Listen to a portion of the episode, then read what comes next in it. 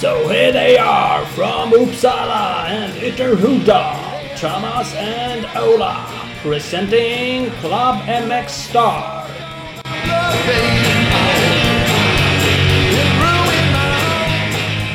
Nu är det jul igen. Nja. Ju, ju, ju, nej, just det. Ju- ju- ju- ju- ju- Jul igen. Nej, det har varit. Det har varit jul. Vi är lite Det har det sena. Vi eh, har tappat, eh, vad heter det? Tappat takten. Det gjorde vi även i våran inledningsrap här nu. Hörde ni väl? Den var lite otajt. Sjukt taktlösa. Men eh, Freddy Flair rullar sig hemma nu. Ja, för fan sliter. Men det... Hoppas. Hoppas. Just det jullåtar, den är ju en av de eh, populäraste jullåtarna i Sverige. En av de svängigare också. Ja, det är det. Eh, Den men och mera är, jul. eh, med, precis. Eh, men, men det är snart nyår. Ja. Vi river av ett avsnitt innan det nya året. Och det är ju faktiskt så att det är avsnitt 23. 23 23. avsnitt har vi kört i år. Mm, det tycker jag är bra gjort.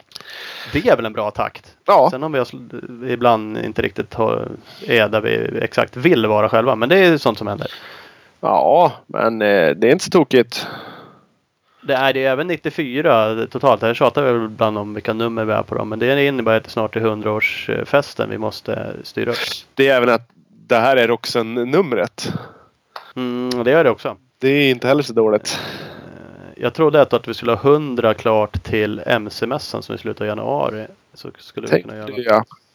hyra en egen hall där. Och vara nakna och springa runt själv. Allt tråkigt. Ja, det är gränsfall på att eh, Det hinner vi inte. hyra en egen hall. Ja, det var ambitiöst. Men eh, Ja. mm, nej, det hinner vi inte. Eller ja, får vi bara dunka ut avsnitt så här korta halvtimmar med, inte vet jag, kreti och pleti. Men det skiter vi. Vi kör på kvalitet, inte kvantitet. Nej, precis.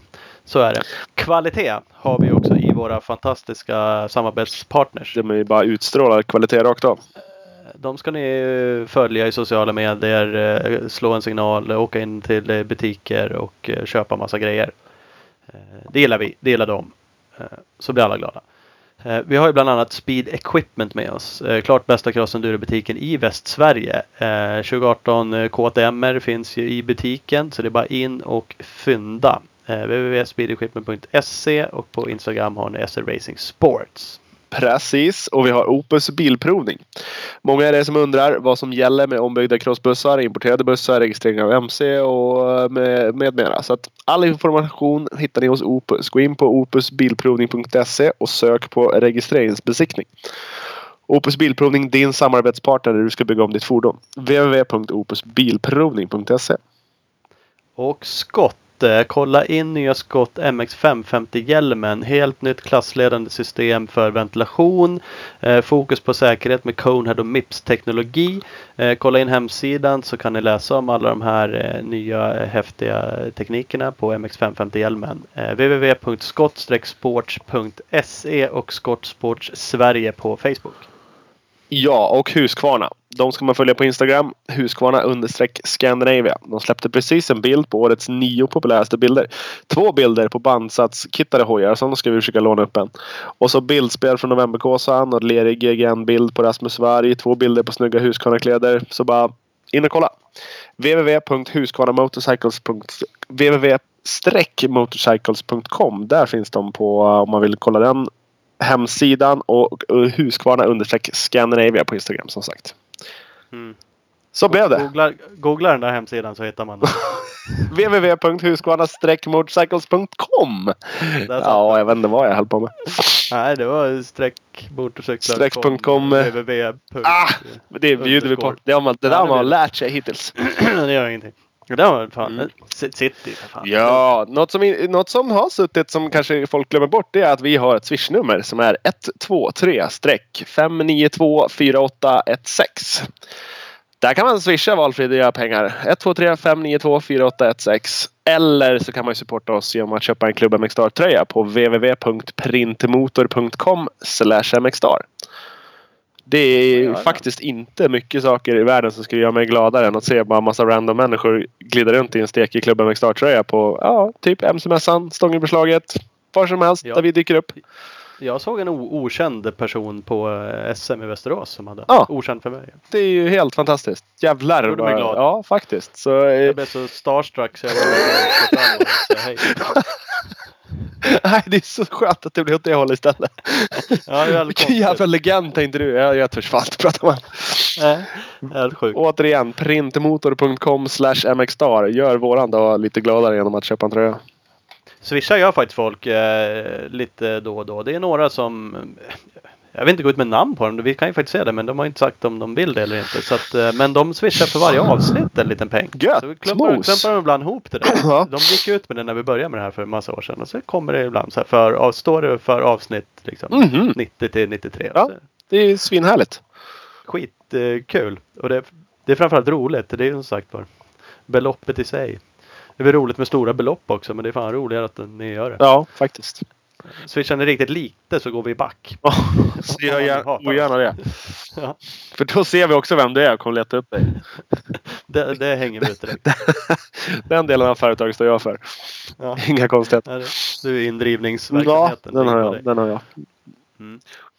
Eh, det är skönt.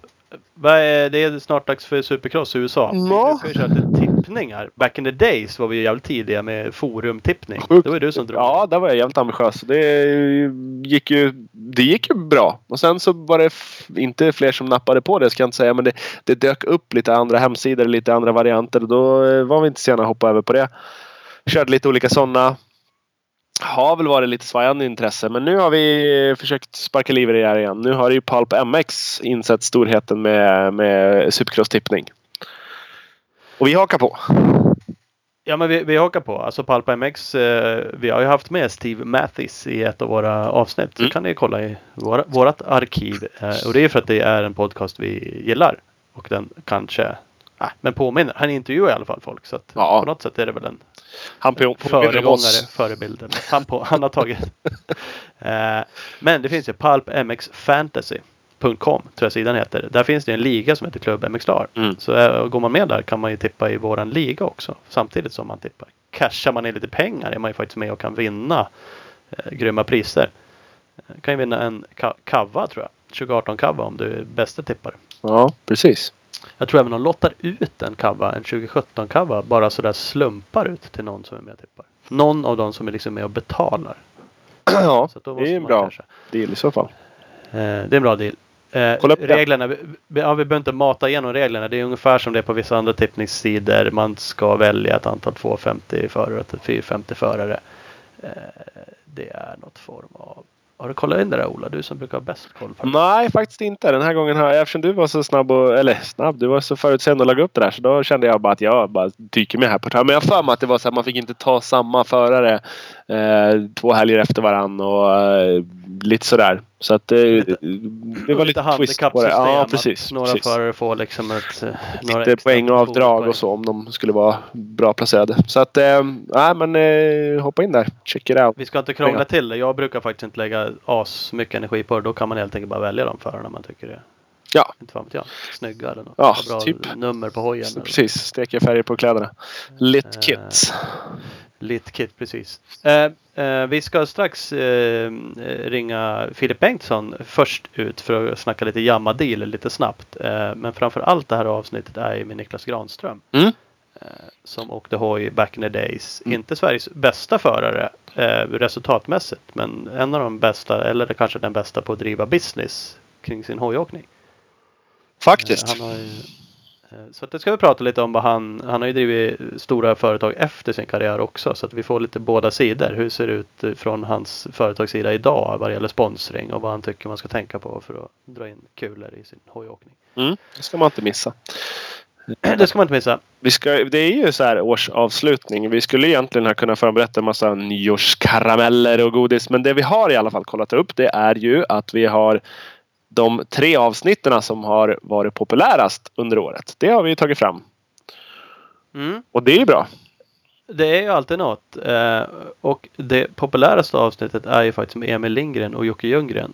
Enduropåse och cykelnörd. Ja, wa- han vill jävligt gärna bli en duropåse så att eh, han, han är på väg över till den goda sidan.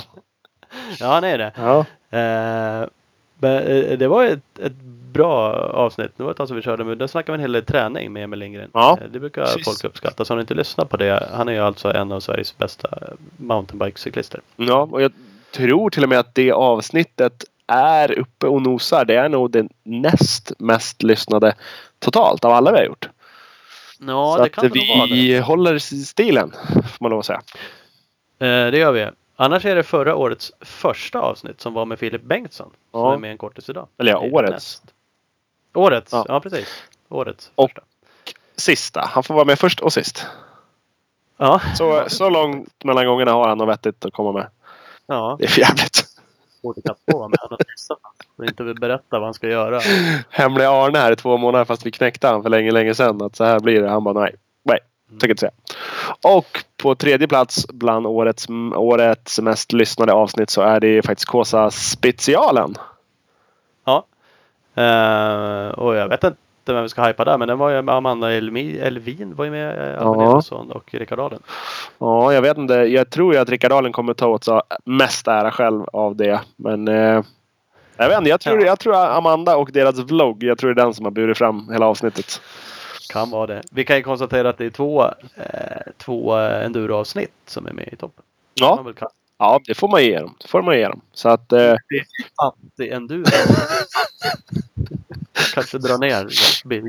Ja, men han är ju, ja jag vet inte eh, vad jag ska säga där. Men det är ju jättekul. Det är ju, dels så tyder det på att vi inte är eh, så eh, enkelspåriga som man kan tänka sig ibland. Utan eh, vi, vi kör lite allt möjligt. Och det är ju grymt att folk lyssnar på det. Ja. Och enkelspår, apropå det, så har vi som sagt haft med cykelkille, Emil Lindgren, hockeykille, eh, Kåberg, Yes. eh, två stycken journalister, Kalle Lundstedt, eh, Anders Wallsten. Eh, vi har haft en norsk gäst, Norman. Kjetil Gundersen, en Ja. norman. Eh, första utländska gästen som var med på svenska. Eh, ja, så blir det. Så, solklart va? Ja. Men vi har ju kört några avsnitt på engelska, det var ett tag sedan. Ja. Eh, Men det var ett bra, också ett populärt avsnitt. Han vann ju GGN. Eh, Elin Mann har varit med som första liksom, tillbakablick eh, för tjejer då. Det är en tillbakablick med Niklas Granström idag. ja, precis. Före den första detta. kvinnliga. Riders. Och vi körde ju ett antal livepoddar på MC-mässan. Ja, De finns ju också att lyssna på. precis. Vi stod på scen där och, och giggade live för de som var där och kollade. Och eh, spelade in så att folk kan lyssna på hemma i stugan. Det var lite vad vi gjorde under året. Det var lite vad vi gjorde under året. Eh, Så att, eh, ja, det är väl inte så dumt. Nej, faktiskt. Det får, ju, får väl vara godkänt. Fantastiskt. Jag är ju nöjd att det avsnittet där vi grät över att du pissade på oss på Battle of Vikings i år igen inte var i topp. Ja, precis. Det var ju skönt. Ja, det var ju skönt. Eh, ta det nästa. Ska vi vara med där? De släppte ju faktiskt eh, eh, biljetter här runt jul. Ja, men vi har ju kommit fram till att som vi ska julklapp. Jag kan säga Ja. att jag fick inte det. Nej, jag tänkte faktiskt på det. Att, eh, Att du skulle ge mig? ja, faktiskt.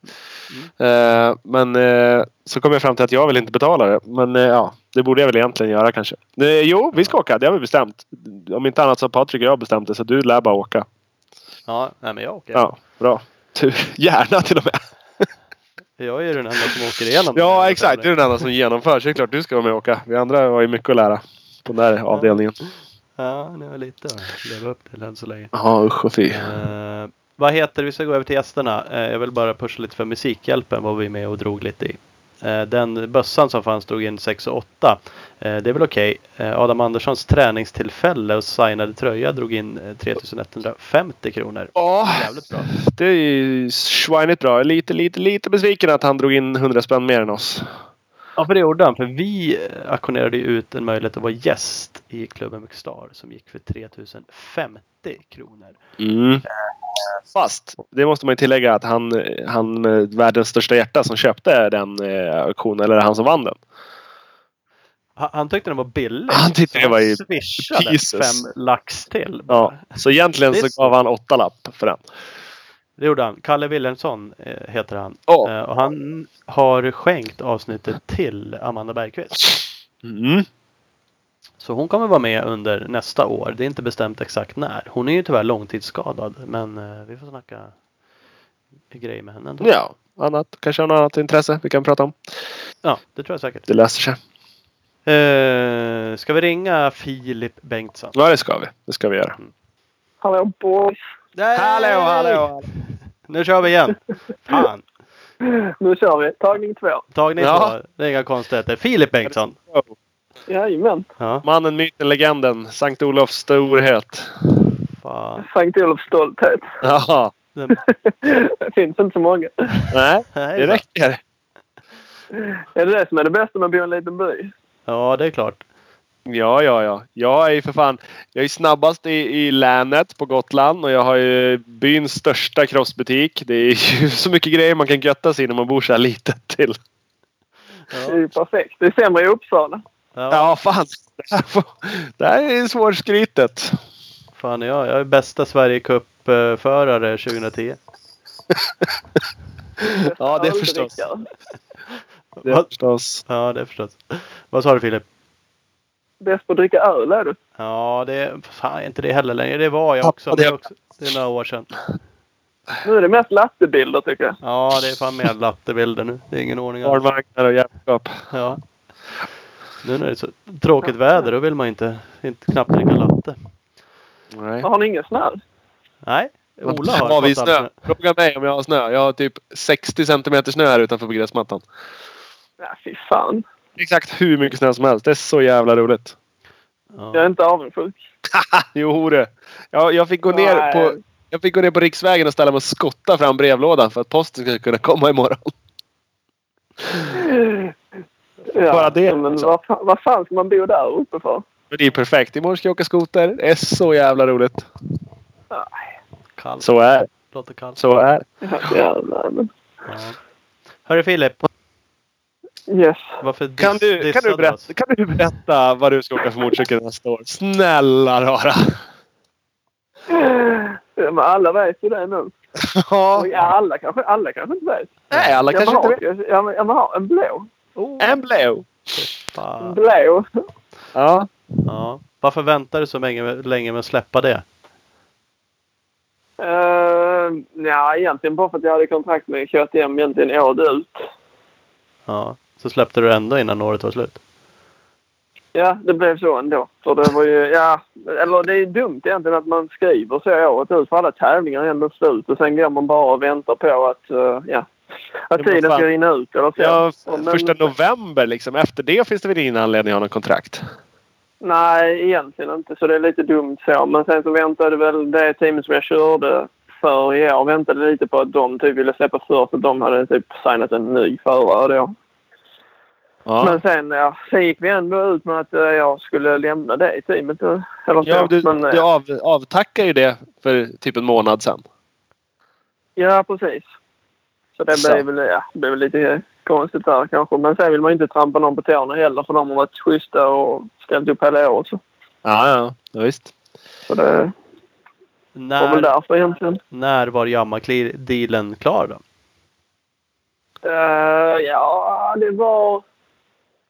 När jag körde sista tävlingen körde jag... Var innan jag körde sista tävlingen så det måste varit uh, lite efter lagrejen egentligen. Gå till, tillbaks till våran chatthistorik så kan du se det här exakt. För jag visste ju tydligen om det jävligt tidigt. Mm, det? Ja, det var många som visste om det nästan innan jag visste om det. tror jag. Det, det sjukaste av allt var att när jag fick höra det så sa jag bara aldrig. Finns inte en chans. Det där är bara så jävla hittepå. Och det var det Ja, nej, det var rätt. Det var rätt så lätt att avstå ifall i början eller så. så. ja. eh, Ja, du skickade nog till mig rätt så tidigt tror jag. ja, jag borde ha varit med ganska tidigt. Men, eh, men då var jag så här helt bara. Det var bara för att jag ville ha bekräftat att det var fel. För det kan ju aldrig hända tänkte jag. Ja, Men jo nej, då. jag tror att det var... eh, Jag tror att jag var i Stockholm redan onsdagen efter lagrejen. Så det måste typ varit i början på oktober. Sen tror jag jag körde sista tävlingen i sista helgen i oktober. Det var klart innan det. Så det, Ja.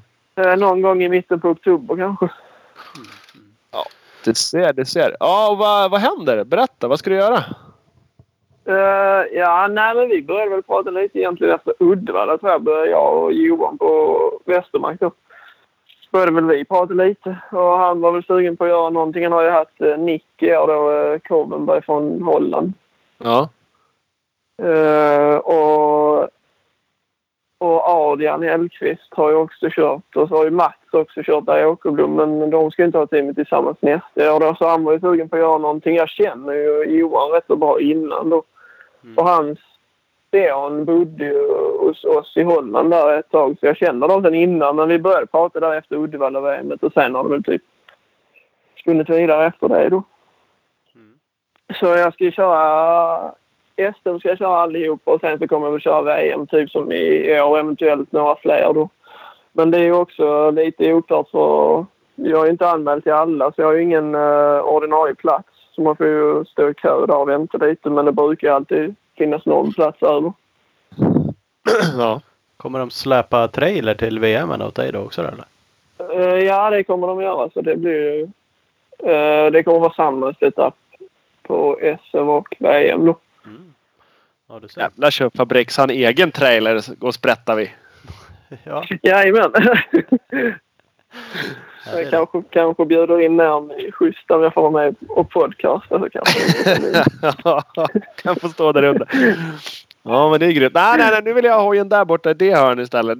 Flytta på dit den. ja, precis. Ja. ja, okej. Nej, men eh, jag tror tanken är ju att uh, Adrian och sen vet jag egentligen inte om Nick ska köra EM också. Så vi kommer väl, det går ju typ samtidigt de flesta där i alla fall tror jag. ja. Så jag kommer inte vara helt själv där. Han kommer höra till teamet EM-mässigt också alltså? Eh, ja, jag låter väl det vara lite osagt kanske. Men uh, tanken är väl så i alla fall. Men om det är helt klart vet jag inte. För i år har det varit lite sidodeal att han har flängt upp hit och åkt lite SM och sen har han väl kört lite allt möjligt annat va? Körde väl VM ett tag? Eh, ja, precis. Han började för något holländskt team där. Sen så körde han ju SM i princip då för uh, Westmark. Ja. ja, så kan det vara. Det har inte varit så mycket information ändå. Efter att ni släppte det här så har det varit jävligt tyst kan jag tycka ändå. Eh, Ja, jag har väl legat rätt så lågt. Jag har kört lite grann nu på hojen där sen vi släppte pressreleasen.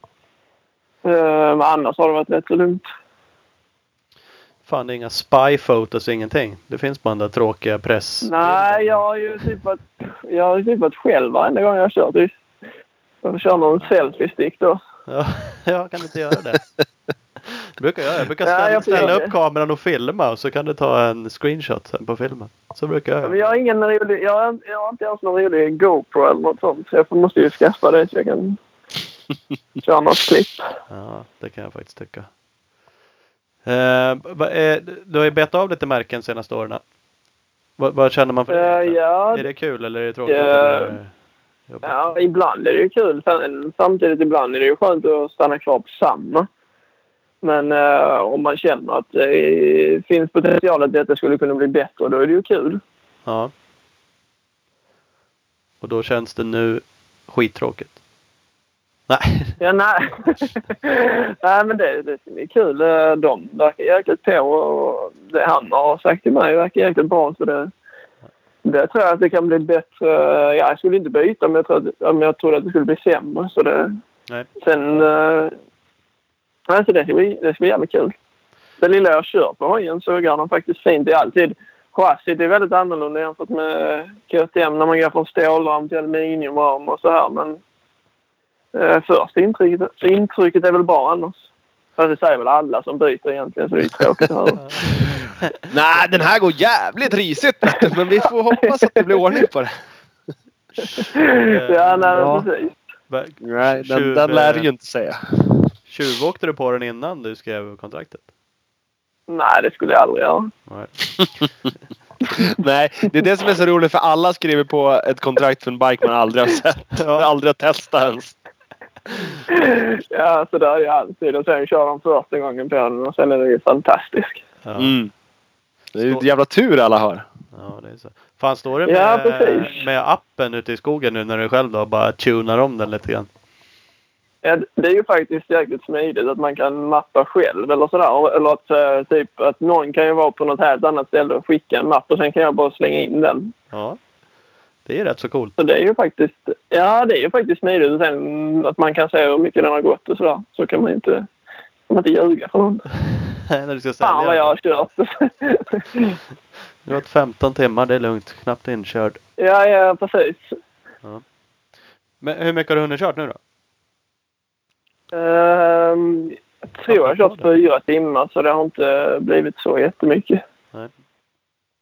Uh, jag kör, vad körde jag sista tävlingen, sista helgen i oktober. Sen tog jag fyra veckor typ off därefter och sen så började jag träna lite smått och sen väntade jag lite på att uh, hojen skulle komma där. Den kom ju rätt så sent och sen nu har jag kört de senaste veckorna har jag kört lite grann. Ja. Vad, eh, vad, hur ser planen ut då? Kommer du hinna köra några liksom försäsongsrace eller blir du inte ute och flänger lika mycket i försäsong nere i... Ja, jag kommer väl fortfarande vara en del i Holland så, men inte lika mycket som jag har varit de senaste tre åren. Jag har i princip bott där eh, nio månader om året så det kommer att bli lite mindre än vad det har varit i de, år, eh, de senaste åren. Men jag kommer väl ändå vara där en del. Ja. Eh, jag vet inte, jag ska försöka köra. Jag är holländska innan VM i Valkensvall så det ska jag försöka köra. Uh, som jag planerat in i alla fall. Men jag kommer inte köra typ italienska och det för det börjar väl redan nu i slutet på januari. ja, det brukar börja rätt så tidigt. Ja, det är rätt tidigt. Jag vill helst få kört lite innan. Men sen samtidigt är det skönt att tävla lite innan man ska köra VM då. Ja, det börjar ju också. Rätt så tidigt. Ja, Det börjar också jävligt tidigt för det blev flyttat där. De ändrade ju på Redsand och Valkensvall. Så Valkensvall ligger ju redan mitten, eller 18 mars tror jag. Så det är också jävligt tidigt. Ja, Du är framförallt. kär det där. Ja, ja, Ja, det kan det ju faktiskt vara. ja. Men, men blir, det blir ingen fokus på hela holländska som du har kört de senaste åren där? Nej, jag kommer väl typ byta holländska. Eller jag kommer nog kunna köra tre, tre av fyra holländska. Ja, Så det var väl ändå kanske en av anledningarna till att jag var rätt så sugen på att köra SM igen. För jag har inte, jag har inte haft det suget typ de senaste åren. Men nu fick jag tillbaka det lite efter i år. För holländska har ju bara varit fyra tävlingar och sen de andra tävlingarna där i Holland har ju nästan känts som att det stora holländska mästerskapet är jävligt bra och sen de andra är lite så halv B eller vad man ska säga. ja, Men det är ju för att VM är så många tävlingar så vill man locka bra förare så kan de ju inte ha fler än fyra för de har ju redan 20 VM-tävlingar. ja. ja, det är svårt att klämma in. Men så, Ja, precis. det blir lite halvtråkigt för er då som inte åker hela VM. Och ändå är Ja, där precis. Det blir ju inte... Ja, precis. Det blir inte så många tävlingar då. Det blir bara de fyra där. Och, eh, som sagt, det är bra prispengar i holländska men det går jävligt snabbt ner. Och det är ju ändå liksom svårt att köra ifrån Herlings och Paulin kanske. Och Ernst som ändå vinner VM hit. Ja, det- nej, egentligen inte. Det är bra. Bara vrida med. Ja, Vad, vad är det för pengar? Vad får man om man vinner där? Du vill ju aldrig berätta hemligheter för oss. Uh, nej, vad är det? Två... Jag tror det är 2000 euro per hit om man vinner. Sen är det... sen Har du vunnit något? 15... Nej, jag har aldrig vunnit. Jag har varit, jag har varit som bäst två, tvåa. Jag har varit för något år sedan. Ja, Och det- det är det. Typ 1500 euro. Fem, 1500 euro. Sen är det typ 1000 euro. Och sen går det typ ner till 500 och sen bara... Ja, ja, men det är alltså... Tvåa, tvåa. Det är hyfsat 30 ändå. brak. Eh, Ja, om man blir två. Ja, precis. Det var för något år sedan där. Men då var det eh, inte lika många VM-förare som, är- som det är nu då. Nu är det ju många som är bra. Många bra med. I och med att det bara är fyra tävlingar då. Och sen är det bonus. Vad fan är det? Eh, jag tror det är 30 000 euro om man vinner holländska. Eh, och sen är det nog 15 000 euro. Och sen gick det ner vad var det sen? Åtta och sen var det typ tre och sen var det typ ingenting efter det. Så det är väldigt bra till de första där. Ja, ja. Nej, för att folk undrar ju vad, vad, vad du lever av. Du är i Holland eh, jämt. Eh, åker hoj bara. Det är ingen som ser. Det är inga bilder på när du jobbar på McDonalds på helgen och sådär. Nej, faktiskt. Nej, men jag har, eh, jag har många bra sponsorer här. Lokala sponsorer också. Sen som sagt, om man försöker de små mästerskapen där i Holland kan man också köra in. Inte alls så mycket, men typ lite grann kan man ju köra in. Ja. Ja, nej, det där är ju ändå okej pengar. Om man kan släppa, bli tvåa tvåa släppa med sig 30 000 hem på en, på en helg liksom. Och om man har då fria grejer och, och får låna hoj och lite sådär. Ja, absolut. Det är ju inte alls fel. Särskilt om man bor i Holland också. För det är aldrig... Eller de tycker det är långt. Typ när man längsta tävlingen tror jag det var två och en halv timme till. Och det tyckte de var skitlångt. Ja. Fan, skulle ju komma till Sverige. den? I England? Ja, nej, det gick ju... Vad heter det? Emmen heter det. Det är typ längst uppe. Typ gränsen Ja. till Tyskland nästan. Fan. Skönt. Jag tror- det är 29 mil eller någonting. Och det tyckte de var... Två och en halv timme. Det åker jag för att handla mjölk för fan. Ja, det är lite så. Det ni får köpa en varmkorv. Ja. Det är fantastiskt. Ja, det är så. Det, Men eh, du sa att du ville komma hem och köra SM. Alltså eh, känns det, vill du komma alltså hem, hem och bo också? Är det lite sånt där det lockar liksom och lite så? Jämfört med att bo i Holland där du har varit dessutom lite så här inneboende och Ja, men alltså det, jag trivs, trivs bra i Holland. Så det är inte alls det eller så här. Men det var väl mest typ att det var svårt att... eh, jag kände nog mer sug för att köra SM än att köra de här mindre tävlingarna i Holland. Eh, typ de här holländska Masters, det är ju de stora. Men som sagt, det var ju bara fyra tävlingar och sen ganska långt emellan och den var ju slut tidigt också. För den var ju slut typ i mitt... Uh, var den slut? Ja, så det var ju typ i början på juli, jag har för mig, var det liksom slut. Och sen var det bara något VM kvar och det var så den, de här mindre holländska då. vill kunna Så det var ju med race, alltså en hel serie. Liksom och kunna köra med Ja, race. jag har kört många tävlingar. Jag tror jag har kört- kört 26 tävlingar så det har varit en lång säsong så. Men eh, ja, som sagt, jag var, kände väl inget jättesug efter att köra en säsong till och köra de här små tävlingarna i Holland då. Det, som sagt, de stora var kul men uh, de små tävlingarna var liksom, de, vi var kanske tre, fyra stycken som körde rätt så bra men vi typ började varva efter efter tre varv började vi liksom varva och varvade upp typ till femte, sjätte plats varenda gång. Så eh, det var väl inget... Eh, nej, det var lite Nej, det- sådär. Det är lite segt. Hade du kunnat fortsätta i det teamet du körde förra i år där? Om du hade velat? Ja, det, det hade jag kunnat gjort. Kört eh, kvar ett år till där. Eh, och det har funkat jäkligt bra och sådär, så det ska jag inte säga någonting om. Och jag har trivts bra och sådär. Så. Men som sagt, det var väl mest det då att eh, med tävlingarna där och då kände jag väl mer sug för, för att köra SM då. Ja. Jag utgår från att SM finns det bara en målsättning och det är att vinna. Ta Ja, poäng då och då. Kvala in. Ja. ja, det blir ju så. Nej, men absolut. Jag har ju eh, vunnit förr så eh, det är ju klart att jag ska försöka vinna igen. Ja. Kommer du göra det då? Eh, ja, det får ju säga att jag ska göra annars låter det ju dumt. Ja. Nej, men eh, ja, absolut. Det är det jag tränar för. Så, men eh, sen som sagt så har vi, eller jag och eh, Johan, då har vi rätt så stort fokus på de VM-tävlingar vi ska köra också. Så det ska bli, bli eh, jäkligt kul. Han har ju så här storslagna visioner. Eh, det skulle ju vara EM-team först och sen VM-team och nu blir det ju då delvis ett VM-team. Och, eh, så det är klart, det är ju intressant att göra de racerna. Både för honom och för dig. Om det nu Ja, på, skulle gå bra så. Ja, precis. Uh, nej, men det var väl också en av anledningarna till att jag valde detta då. Att han ville satsa lite mer på VM än vad kanske det teamet som jag kört för i år ville då. Uh, Mm. Och jag kände väl att jag inte ville inte ge upp det helt än då. Uh, och bara köra SM eller så. Det ville jag inte göra. Men, och som sagt Johan, eller JVRs fokus kommer ju mest vara på de VM-tävlingarna där och sen så liksom han måste ju köra SM också för alla sponsorer. Så. Mm. Men, var det ett års kontrakt eller så här luddiga ett plus ett eller? Vad är... Ja, nej, det, det är ett år nu till att börja med. Och sen så om det skulle gå bra så får vi se.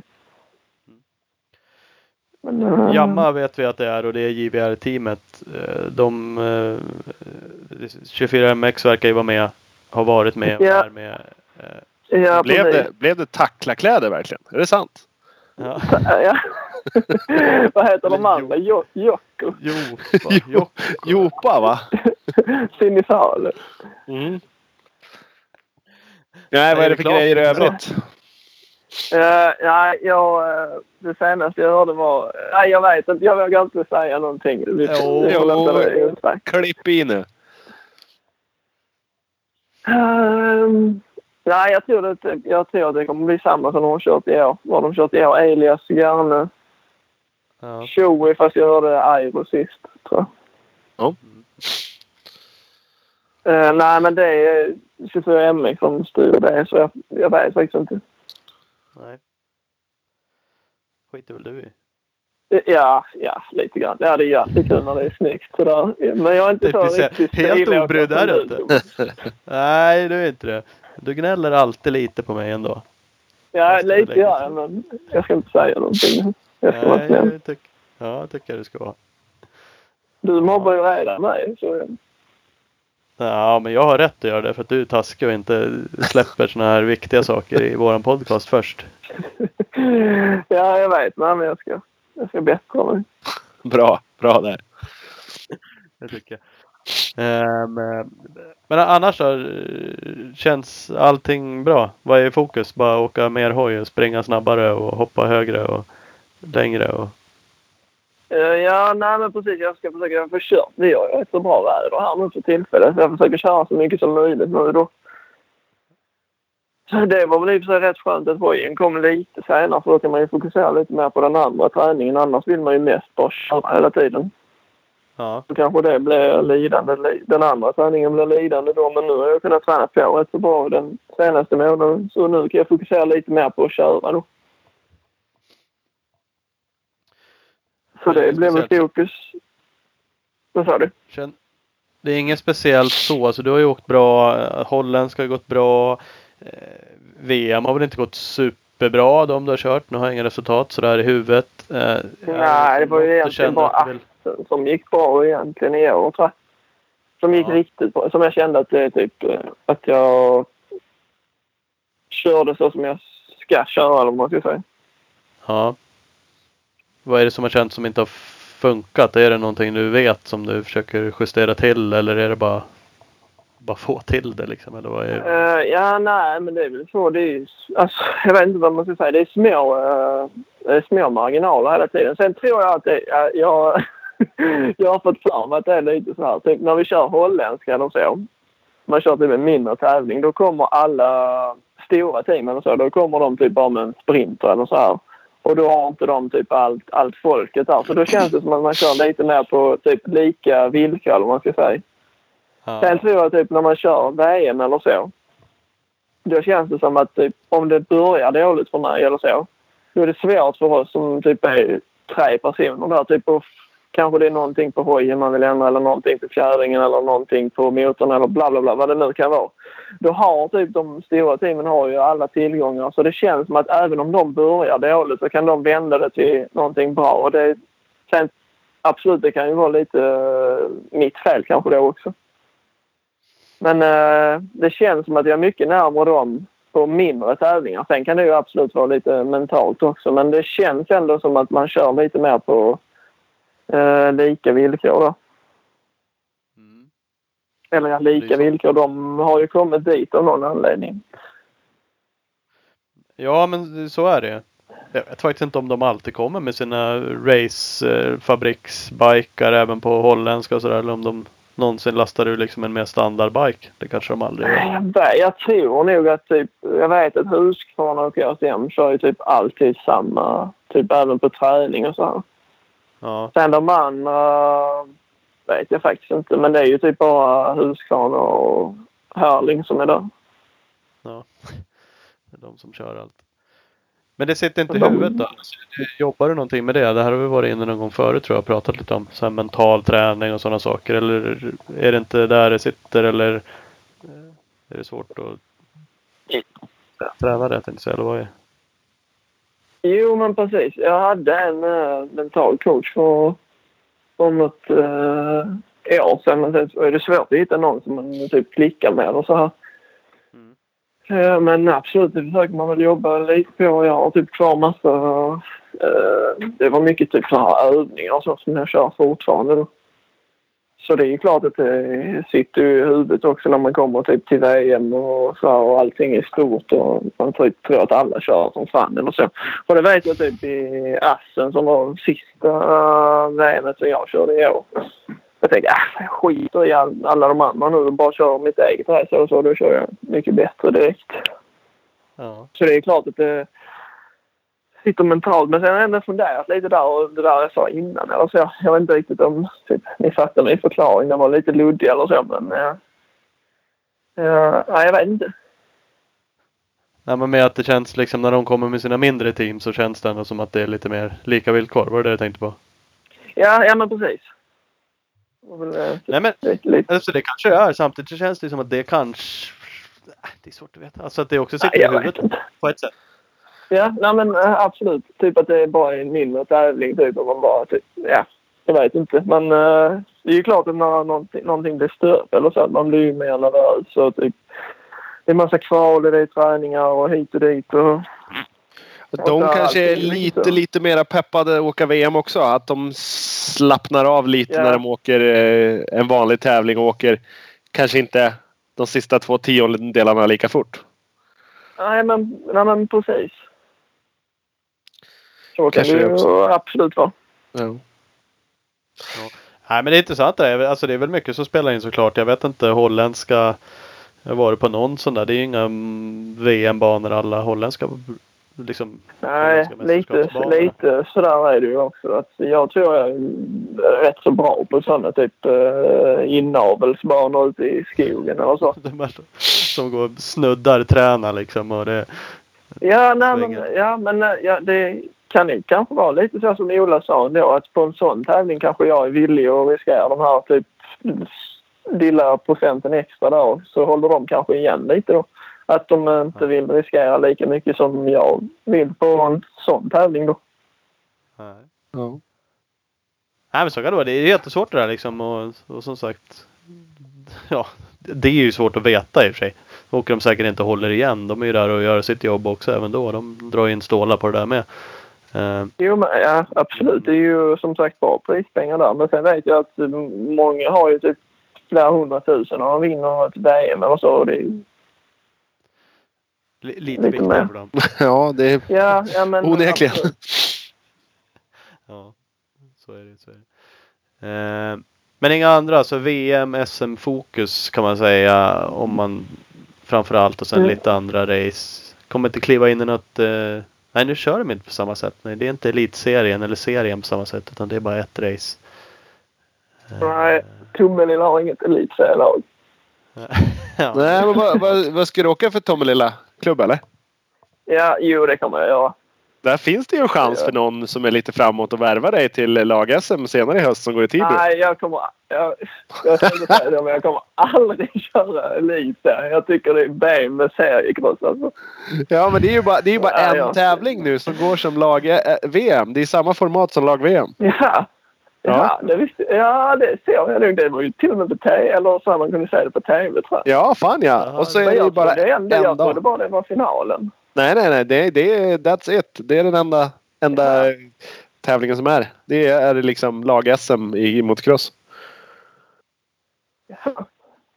Så att jag, jag, har, jag känner ett Klubb MX Star-lag på gång här. Vi tre. Det blir ju jävligt fast. Ja, det, Vem byter klubb då? Eller vilka? Ja, vi kan åka för min klubb. Det blir det. Alltså byter Hogdal. Sitter Hogdal MK. jävlar så fint. Nej, jag tror inte vi blir där kan man ju aldrig träna. Det är ju typ snö 360 dagar om året. Jo, men jag kommer ju in som lite osidad och kör eh, lagledarrollen främst. Ja. Så kan ju ni träna ni som har barmark. Alltså du ska inte ner till Tibro och hoppa dubblar och Jo, jag kör ett hit jag bara som räknas. De, de andra som viktiga får ju ni köra. Ja, just det. Ja. Jag tänkte så. Ja. Men det, jag, jag trodde bara det var finalen, men då är det bara en. Då är det ändå lite bättre än vad det varit innan. ja. Så nu kanske du kan tänka dig att byta klubb ändå då? Nej, nej. Nej. ja, vi får se i höst helt enkelt. Om någon har Ja, övertalat. man ska ju aldrig säga aldrig. Nej, så är det. Ja. ja, men bra Filip att vi fick prata med dig då. För en gångs skull. Äntligen. Tack. Ja, Tack. Eh, jag var ju faktiskt på för någon vecka sedan. Flera Ja, veckor sedan. det, det är korrekt. Sen var det någon som blåste av. Då ställde vi in. Ja, då Vi fick... bara, bara finta dig. Det var aldrig tänkt. Vi ville bara att du skulle sitta och vänta en kväll.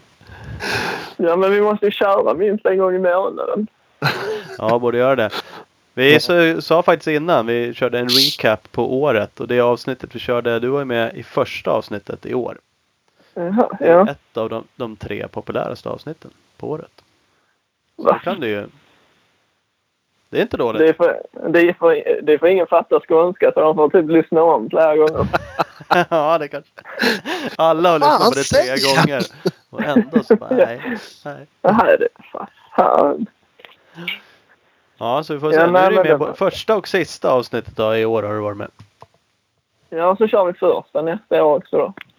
Mm. Ja, då, då får Ja. du fan släppa någonting kul. Då lär, det, då lär jag ett klubbyte i bagaget. Så lite nya info. Ja, ja, vi får se om det händer någonting nu de här veckorna. Det händer kanske inte så mycket. Och Nej, eh, Du kan inte bara egen, bekräfta några aliaskläder, Nej. det duger inte. egendesignade tacklarkläder. Då, då kan du få med. Ja, Ja, ja. Men jag ska komma med någon form av nyhet. Släppa först på det lovar jag. Bra. Mm. Bra där. ja, det låter bra Filip. Schysst grabbar. Gött. Ja, nu går vi och lägger oss så hörs vi framöver. Ja, ja, det gör vi. Ha Ja. det bra. Ja. Tack för att Hej, du hej. kom gött. Hej. Ja men gött. Filibang. Där har vi Jajamän. den. Äntligen. Äntligen. Ja. Som vi har längtat över att höra lite news om våran, eh, våran star player. Mm. Ja, det är alltid kul att prata med honom. Absolut. Jamma Nu fick vi ur han lite, lite info om vad man tjänar pengar på och inte och sådär. Det var ju kul. Ja, det är alltid något. Alltid roligt. Och det är kul att han kör SM. Jättekul. Absolut. Och då har ju folk chans att åka runt och klämma och känna och titta på han. Ja, precis. Mysigt. Eh, vi ska ringa Niklas Granström alldeles, alldeles strax. Men först ska vi tacka ett antal av våra samarbetspartners. Det ska vi göra. Eh, och vi har ju med oss Don't wanna be too old for this shit. Ett svenskt märke som är till för dem som aldrig ger upp och gör vad de älskar no matter what. Crosströjor, crosshandskar, streetkläder. Kolla in dem på dwbtofthshit.com och även dwbtofthit på Instagram. Jävlar så nära. Mm. Och så har vi Speedstore. Sveriges grymmaste Husqvarna-butik i Valbo utanför Gävle. Husqvarna-hojar som finns för direkt leverans i butiken. Det är bara att åka dit och hämta upp en. Är FE 450, FE 350, FE 250, FC 450, TC 250, TC 65 och TC 50. Det är bara läge att åka och köpa en hoj nu. www.speedstore.nu eller speed-store på Instagram. Yes, och Big Balls MX, värstingbutiken i Växjö, Suzuki, Gasgas, Fox, Shift. Det är bara några av alla märken du hittar hos Big Balls MX. Just nu är det faktiskt kampanj på nya 2017 suckor. Eh, men det finns ju såklart även 2018 bikar inne, både Gasgas och Suzuki. Så kolla in det och kolla även in www.bigballsmx.com och Big Balls MX på Insta. Jajamän, och så har vi Mafi. Genom Mafi Athletics Partner hjälper Mafi ett stort antal svenska förare. André Högberg, Ken Bengtsson, Jonathan Bengtsson och Tim Edberg bland annat. Följ dem på Facebook, Mafi Athletics Partner. Och kolla även in www.mafi.se. Det ska man göra. Eh, Jajamän. Man ska också fortsätta lyssna för nu ska vi ringa Niklas Granström och snacka lite. Ja, Niklas. Ja men tjenare Niklas! Välkommen till Klubben Mixed Podcast. Tjena! Ja, men hej. Tack. Hej, hej, hej, hej! Äntligen! Jag försökte ringa till fel nummer, då kommer man inte fram. Nej, det är, det är bra om man får rätt nu. Men, men Ja. eh, till slut så vart det rätt i alla fall.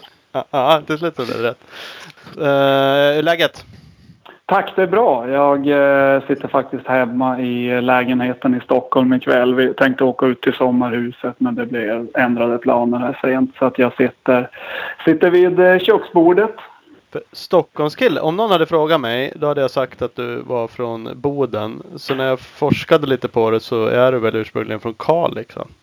Det stämmer bra. Kalix är min uppväxtort men eh, det var länge sedan jag bodde där. Men som jag brukar säga, dialekten, eh, dialekten går aldrig ur en. En gång norrlänning, framförallt Kalixbo, den är, den, är, den är svår att sätta bort. Men jag hoppas ni förstår vad jag säger i alla fall. Jo då. Jag, jag bor ju halvvägs dit så att jag, jag har någon aning. Ja, ja. Perfekt, perfekt. Ja, det är så. Ja, för du har bott i Stockholm länge nu. Ja, på heltid sedan 2005 kan man väl säga. 2006 och sen till och från några år där innan. Så att ja, det börjar vara 13, 14 eh, år någonting sånt nu. Så att ehm, ja, jag är väl halvt, halvt kvalificerad som stockholmare numera. Ja, ja. Eh, vi, vi ska komma tillbaka, vi ska skumma lite på allt möjligt. Men eh, du är ju gammal crossåkare. Det är ju framförallt därför du får, får vara med i den här podcasten. Ja. Eh, Men, Mm. men, men sen eh, efter karriären har du ju eh, startat företag och drivit med, med framgång. Så det kommer Mm, vi mm. snudda lite vid också tänkte jag. ja, men jättebra. Kul. Och tack för att jag får vara med. Det är jätteroligt. Ja men det är kul. Alltså jag kommer faktiskt inte ihåg exakt varför eller när jag eh, hittade på dig på nätet tänkte jag säga. Men, men sen ganska snabbt då så kom jag in på din hemsida. Som för övrigt även finns kvar. Granstrom.nu.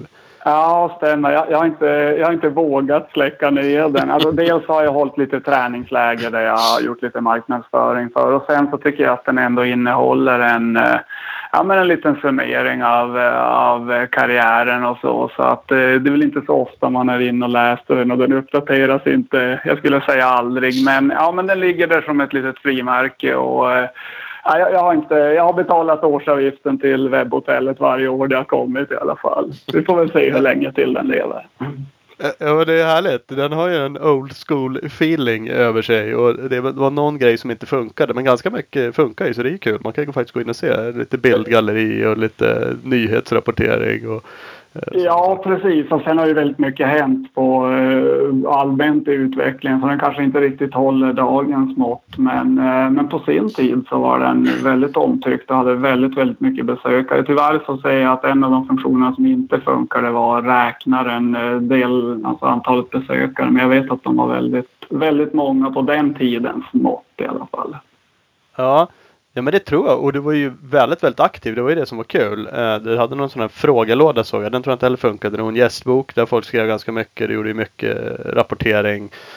Alltså, ja. ja. Men det var ju det sättet. Bloggar idag.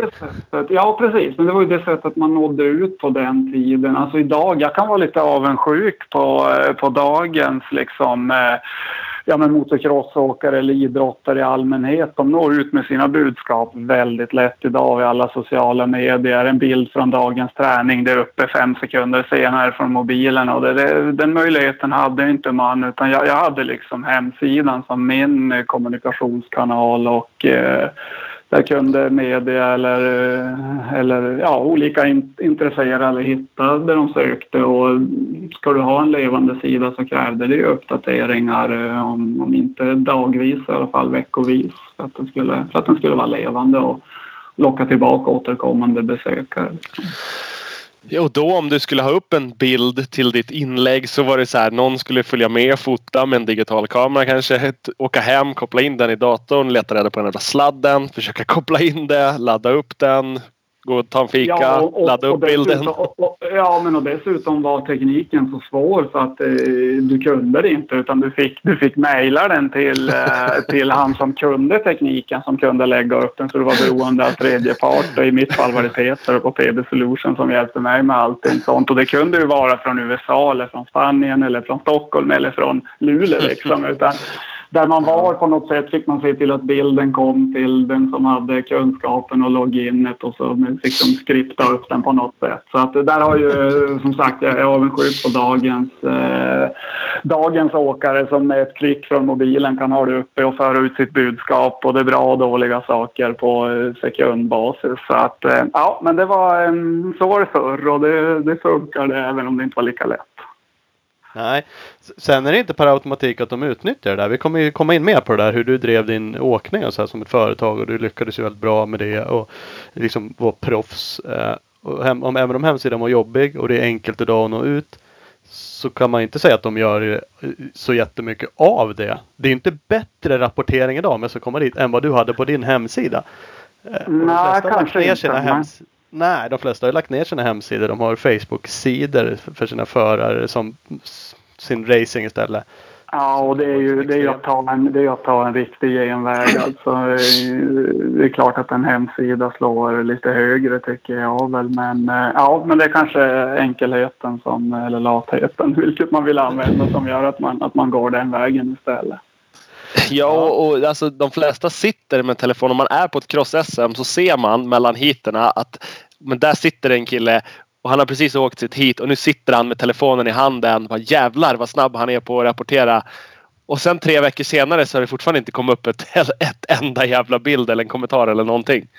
Nej, Nej, det jag håller med. Sen kan jag också tycka kanske att vissa är eh, bra på att rapportera framgång medan eh, om det har varit en motgång så tar det, så tar det betydligt längre innan det, innan det kommer upp. Men eh, ja, alltså det är ju, så är ju idrotten. Det, man får försöka rapportera både, både det bra och det dåliga.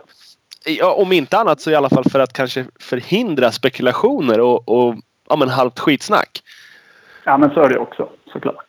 Alltså det, det, du själv lägger upp, det kan du själv påverka och styra. Det ser man ju vissa stora världsstjärnor inom alla möjliga idrotter. De kan ju ibland lägga upp någonting lite provocerande för att starta en debatt eller föra fram sitt budskap eller Ja, så man ser att de använder det på en väldigt eh, både riskfylld men en, en uh, proffsig nivå också. Liksom sin, sin power som, som känd idrottare eller musik, musiker eller vad du då än är. Liksom. Mm. Mm. Jag, jag, läste Björn Ferrys bok. Jag tror det var det jag läste. Om jag läste i någon artikel annars. Han, han, var ju rätt duktig på att föda liksom skvallermedia med egna mm. artiklar sa han. Mm. Om saker och ting. Mm. För han insåg att ja, men det här skapar ju ett värde. Det skapar mig som en person. Liksom att det dyker upp något halv. Det var ju mycket konstiga uttalanden. Eller konstiga men lustiga. Och, eh, och liksom han, ja, men han gjorde ju det medvetet, rätt utstuderat liksom. Och... Ja, men helt, helt sant. Och det är ju faktiskt också lite så du, eh, du bygger ditt varumärke i den, liksom, i den, den personen du vill vara utåt. Så. Ja.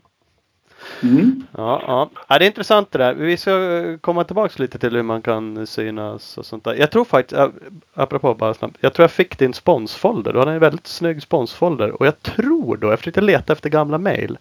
Att jag mm. mejlade dig och faktiskt frågade om jag kunde få ta del av den. Jag var ju ingen sponsor.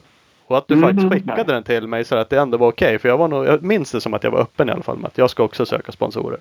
Ja, jo men äh, det, det, den frågan är faktiskt av ganska många så att jag har skickat ut den till äh, ett antal olika, äh, alla möjliga som har, som har frågat efter den. Självklart, det är klart att jag delar, delar med mig av, av det jag hade eller har. Ja, ja, det är självklart för dig. Det är inte självklart för alla. Det är ganska många som det man gör ska man ha själv. Attityd liksom.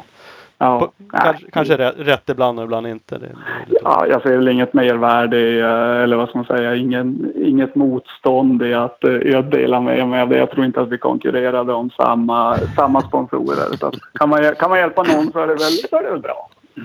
Ja, jag tror inte heller vi gjorde det faktiskt. Eh, vi ska gå, jag tänkte vi börjar väl, eh, förutom det vi redan har pratat om, men lite resultat. Alltså karriären som, som hojåkare. Mm. Mm. Du, du, ehm, du slutade väl 06? Nu börjar jag i fel ända, men visst var det så? Då la du eller så när säsongen började? Det stämmer. Oktober. Jag tror det var andra helgen i oktober 06 eh, i Luleå jag körde min sista tävling där. Så att, eh, ja, stämmer. Så det är ett tag sedan såklart. Men vart började det? Det började ju uppenbarligen uppe i norr kan jag tänka mig. Ja, Alltså, eh, jag var ju som sagt, eh, växte upp i Kalix, eller i Nyborg egentligen, en by utanför. Och eh, på gott och ont, om man säger. Det, det goda i, i det hela är att man har både naturen och samtaget och stigen runt, runt hörnet.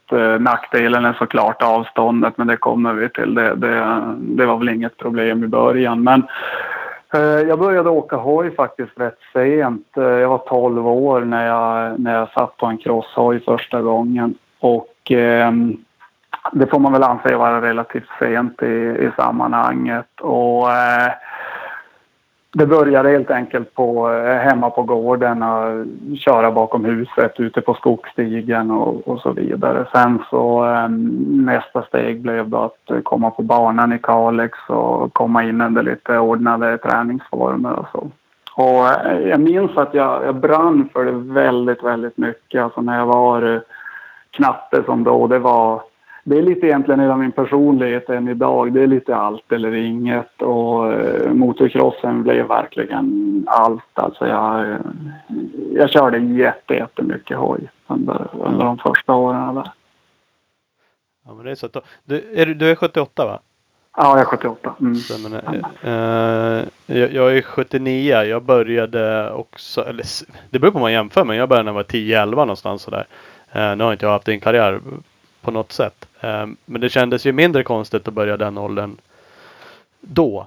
Än vad det kanske gör idag. Så det känns som att börja tidigare. Det är klart man kunde börja tidigt då också. Men nu kör ju folk liksom vråltrimmade 50 kubikare Absolut, det har gått tidigare och piken tycker jag för eh, den gemene elitåkaren är mycket tidigare också nu. Många, många har sina bästa år kanske när de är 17, 18, 19, 20 medan eh, på min tid så var man kanske oftast som bäst mellan 24 och 28 år. Liksom. Så den åldern har ju också sänkts eh, successivt, i alla fall som jag upplever det från sidan. Men i alla fall sedermera då när jag började träna så gick det ganska fort. Eh, jag ska inte säga att jag var någon jättetalang, då, då skulle jag nog ljuga. För jag, jag tränade väldigt, väldigt mycket och väldigt målmedvetet med de resurserna man hade där. Och en kort säsong såklart med, med långa vintrar och, och så. Men eh, när jag tror jag tävlade år två eller år tre och hade en femtonde plats på ungdoms-SM på 80 kubikare då. Det är mitt det måste bli mitt tredje år jag åkte motocross. Då, så att utvecklingen var ganska brant i början, eller den var väldigt brant. Men det var ju för att ta igen många, många förlorade år och eh, jag tror jag åkte så mycket hoj så att eh, så att eh, jag tog igen det även tidsmässigt på ganska kort tid. ja. Det var så. Det, det nötte på liksom. Det var hojåkning ja. som gällde. Ja men det var det. Så när man kom hem från skolan kommer jag ihåg så var det bara att käka och så sen så åkte man hoj. För just den där enkelheten som man inte har kanske i en storstad. Att jag kunde faktiskt kicka igång hojen. Åka bakom huset eller på skogsvägen eller till crossbanan eh, halvt lagligt efter, diket liksom och så. Det ger ju en möjlighet att man kanske, jag kanske inte hade någon kvalitetsträning men jag hade en enorm kvantitetsträning och jag tror att det, det behöver man i, särskilt i början liksom att möta, nöta timmar helt enkelt. Ja, jag tror också det. Det handlar om att sätta teknik. Jag har ju fortfarande kvar liksom, tycker jag idag, så här teknikgrejer av att bara hoppa stenar. Jag är också uppväxt på en gård liksom, hemma i hagen. Mm. Och hade ett mm. byggt hopp till slut. Det tog några år innan vi ens byggde det. Annars var det liksom någon trappa som var någon berghäll och det var någon trippel som man kallar det med tre stenar bara. Och, men det var ju desto mer så här bakhjulsåka och eh, alltså lek som på något sätt ja. grundteknik. Ja, precis. precis.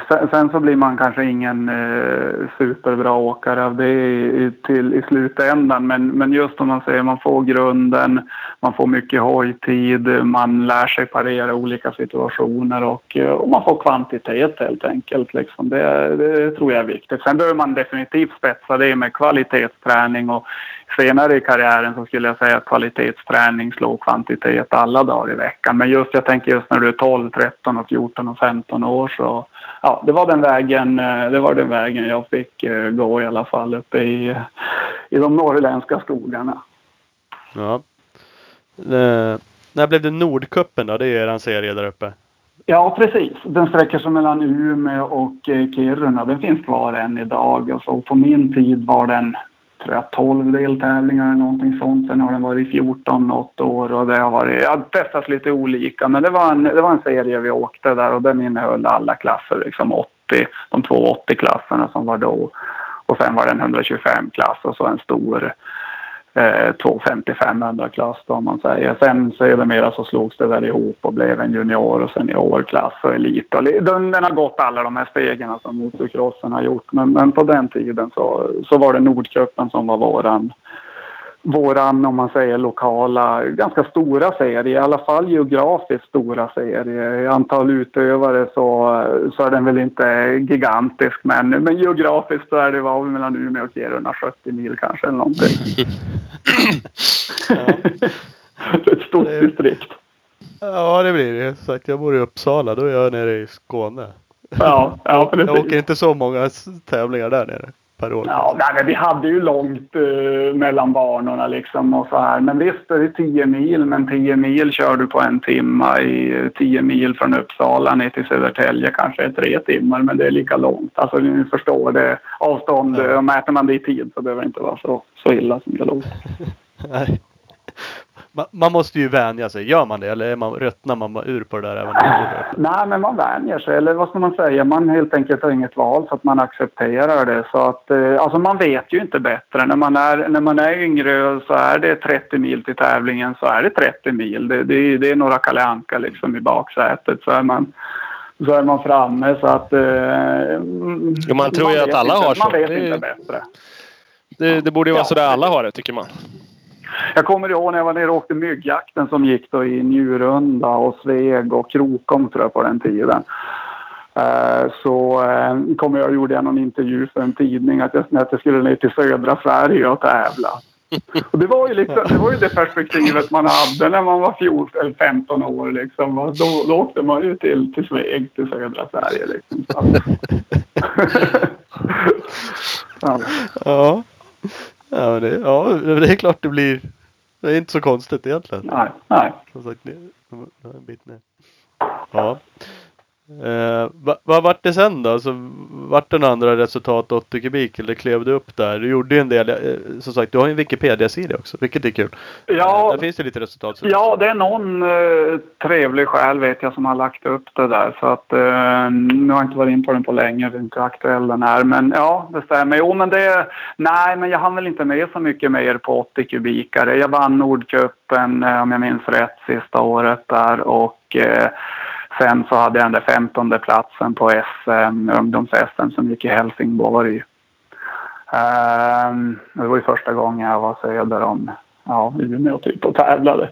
Men, ehm, men eh, nej, jag hade ju med att jag började så sent så hade jag ingen längre 80-karriär. Sen så att jag hoppade upp och jag körde Honda 125 sen kommer jag ihåg i en eller två säsonger. Mm, med blandad framgång. Eh, jag vet just där uppe då tävlade ju även mot 250 och 500 hojarna och så, så jag var väl lite slagen på förhand. Det, det ska också sägas att vi har bara sandbanor i Norrbotten.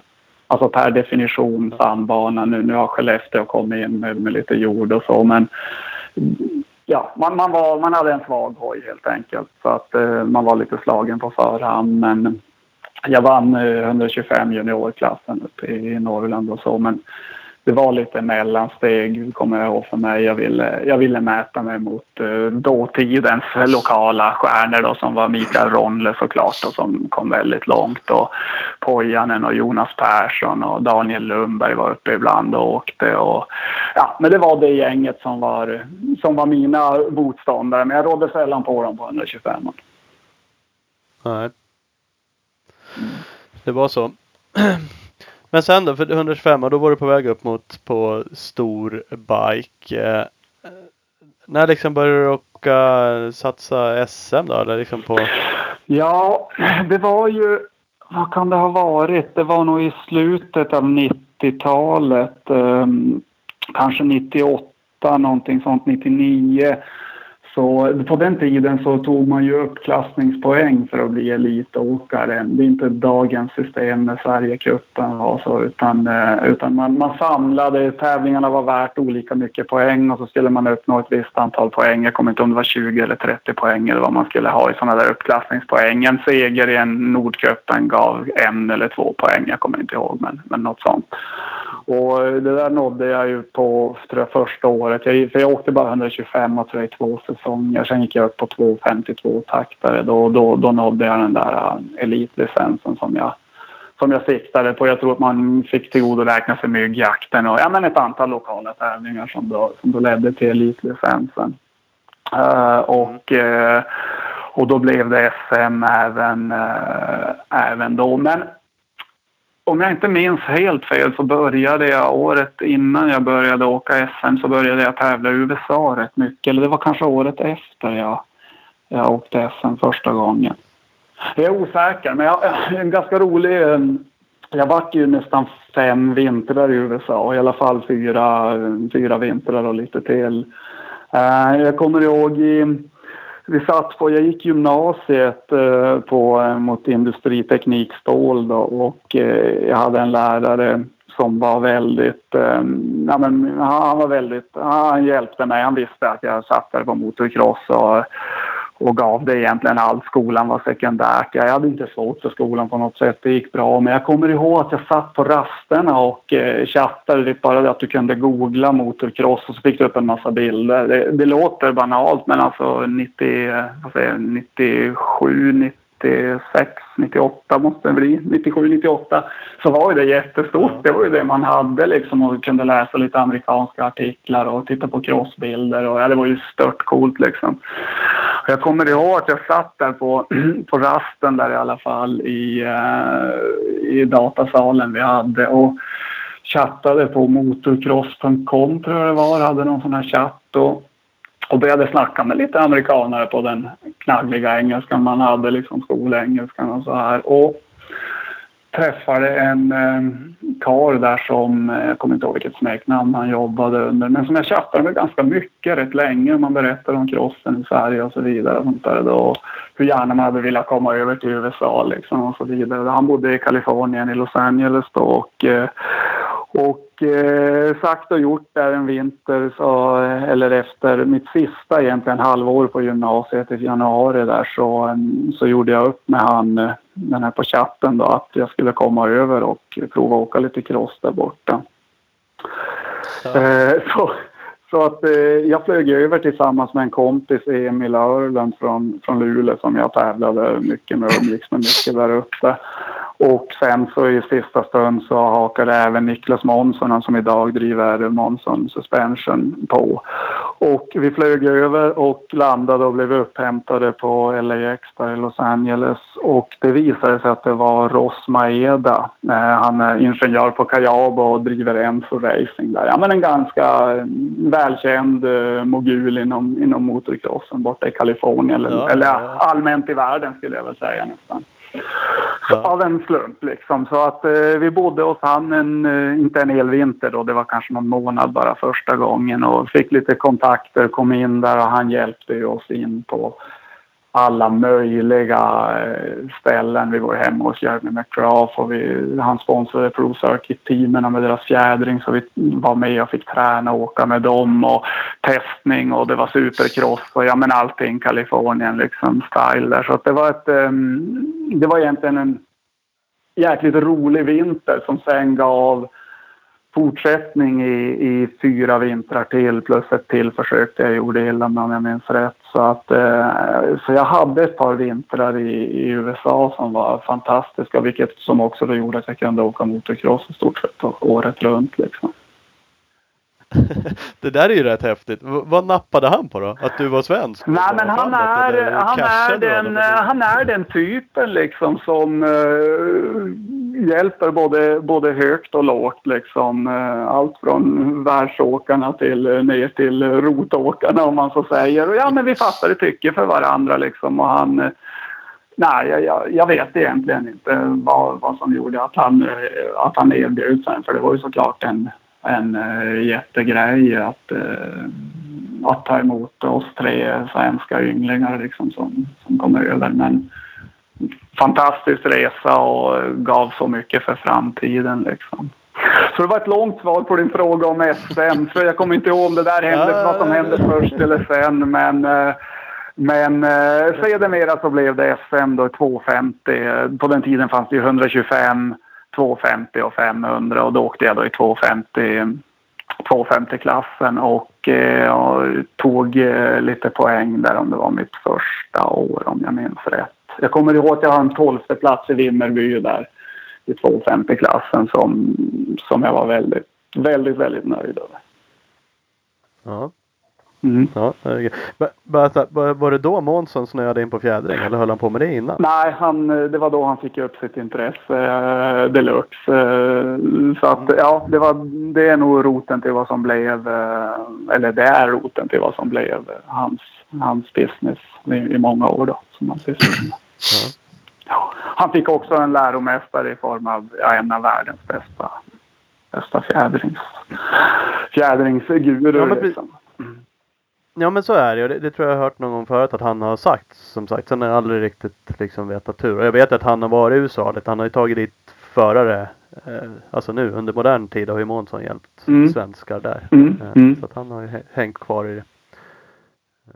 Jo, men han åkte Ja. ju över i många år. eh, Både åren när jag var där men sen fortsatte han ju åka över, eh, om jag minns rätt, i ett par år till. Och dels jobbade hos Ross och fick eh, lära sig hans, hans skola liksom som han sen har fört tillbaka till, till Sverige och svenska åkare. Så, att, så jag kommer ihåg första åren så skickade jag grejerna till, över till USA och så byggdes de i ordning där. Men det är ganska snabbt kunde ju Månsson ta över det jobbet så det var, det var perfekt att få det på, på hemmaplan. Om vi nu får kalla Tomelilla Sjöbo för hemmaplan. Men, men i alla fall inom riket.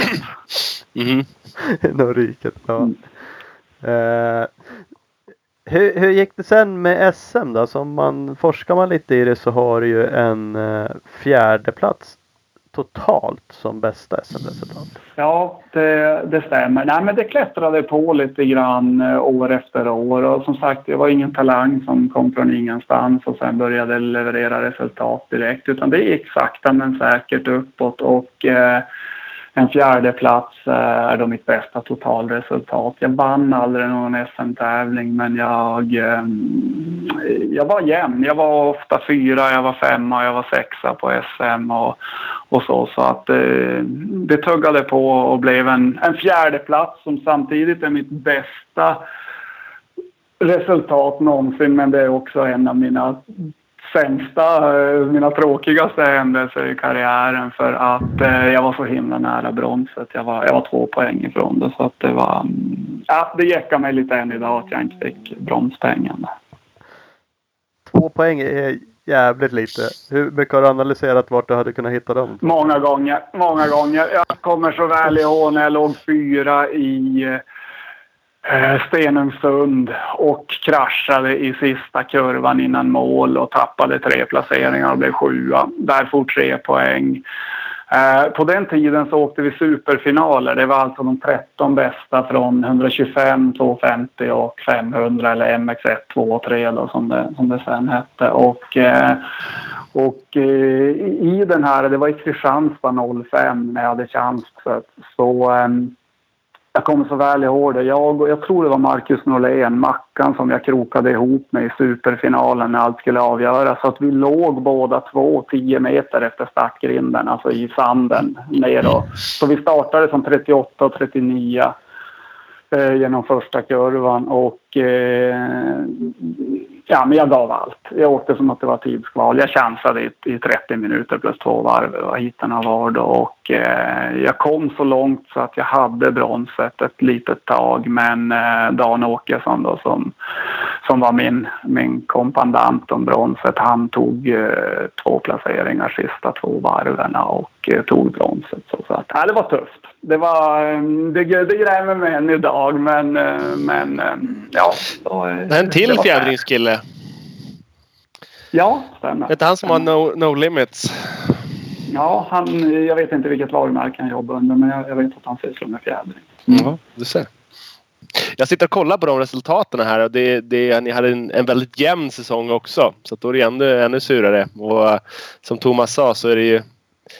Jag tror vi är ganska många som håller på med crossen som har, liksom är lite så här analytiska och man funderar på fan hade jag bara gjort sådär. Hade jag inte vurpat i den där kurvan så då hade jag tagit det. Och...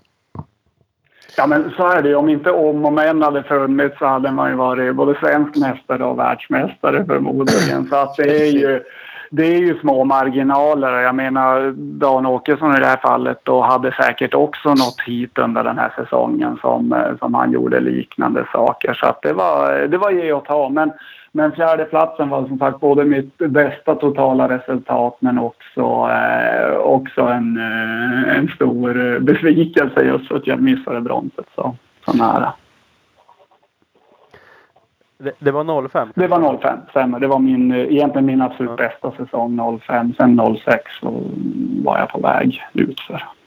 Knäckte det dig? Nej. Eller var du på väg Nej, absolut inte. Det eh, snarare sporrade mig till, till, att, eh, till att fixa den där medaljen året därpå. Så att eh, nej, på, på inget sätt så knäckte det mig. Men jag var väldigt sliten. Jag åkte, jag åkte i VM också under den säsongen 05 i eh, MX3-VM och eh, det var egentligen den sista säsongen om jag fattade rätt som eh, som MX3-VM egentligen hade den statusen som, som var värdig. För jag kommer ihåg att vi hade dels väldigt bra prispengar och vi hade startersättningar och reseersättningar. Ja, men vi, hade, vi hade det ganska bra i den VM-säsongen. Sen gjorde jag något inhopp i MX3-VM året därpå och då hade man tappat alla de här förmånerna och då var det ju ja, nära på en kalanka serie skulle jag vilja säga. Men, men 05 var det tufft. Det var, det var ett, ett hårt år. Vi var fyra stycken svenskar som, eh, som fick åka och eh, det var eh, riktigt roliga tävlingar. Men då hade jag åkt året runt. Jag tog ju igen min karriär på en väldigt kort tid så att eh, så jag åkte väldigt intensivt och hade egentligen bara november varje år som vilomånad. Så att jag, eh, jag var fruktansvärt sliten i kroppen. Jag, var, jag hade inte så ergonomisk åkstil. Eh, jag slet ganska mycket när jag körde.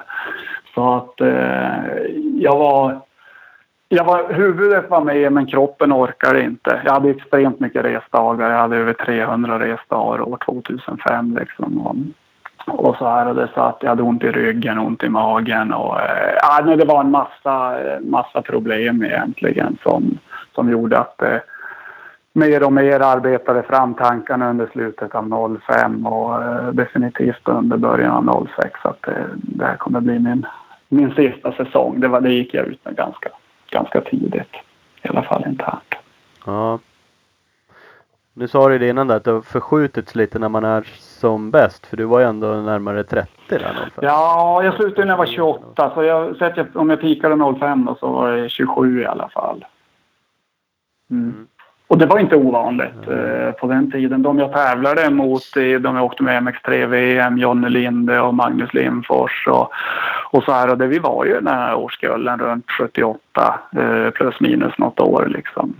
Idag så är de flesta VM-åkarna nästan under 20. Ja, man 28 då, då ska man väl sluta. Ja. Ja.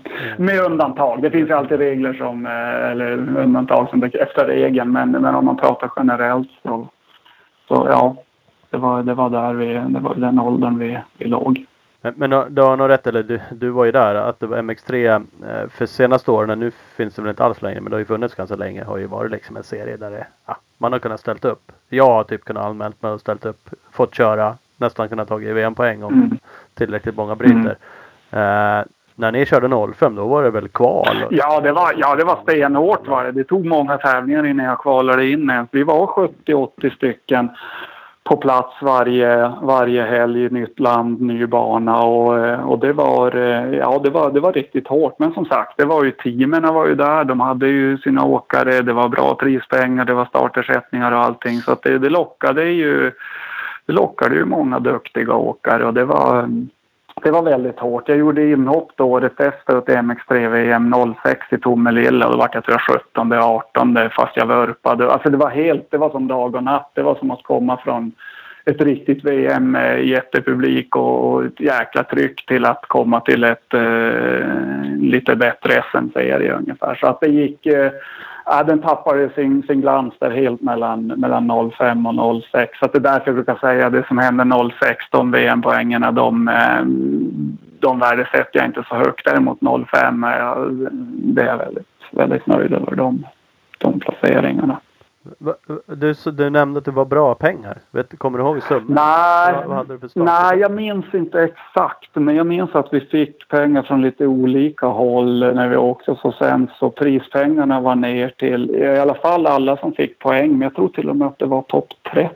För jag hade rätt mycket placeringar runt 24, 25, 26. Där jag för mig att jag fick ett par hundra euro i alla fall för en, för en sån placering.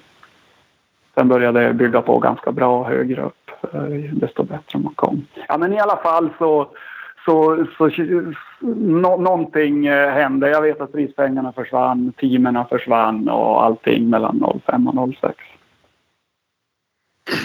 Ja, nej, det, det var då det, alltså det, vi har ju haft intervjuer med flera som körde Alltså mer back in the day så det var ett annat sätt att åka VM på. Då man kunde hanka sig runt till nästa deltävling på liksom startersättningen. Mm. Och, alltså, det fanns ett annat Det var ett annat krav på att kvalar man inte in då hade man inte råd att komma hem. Då hade man inte pengar till soppan hem ens.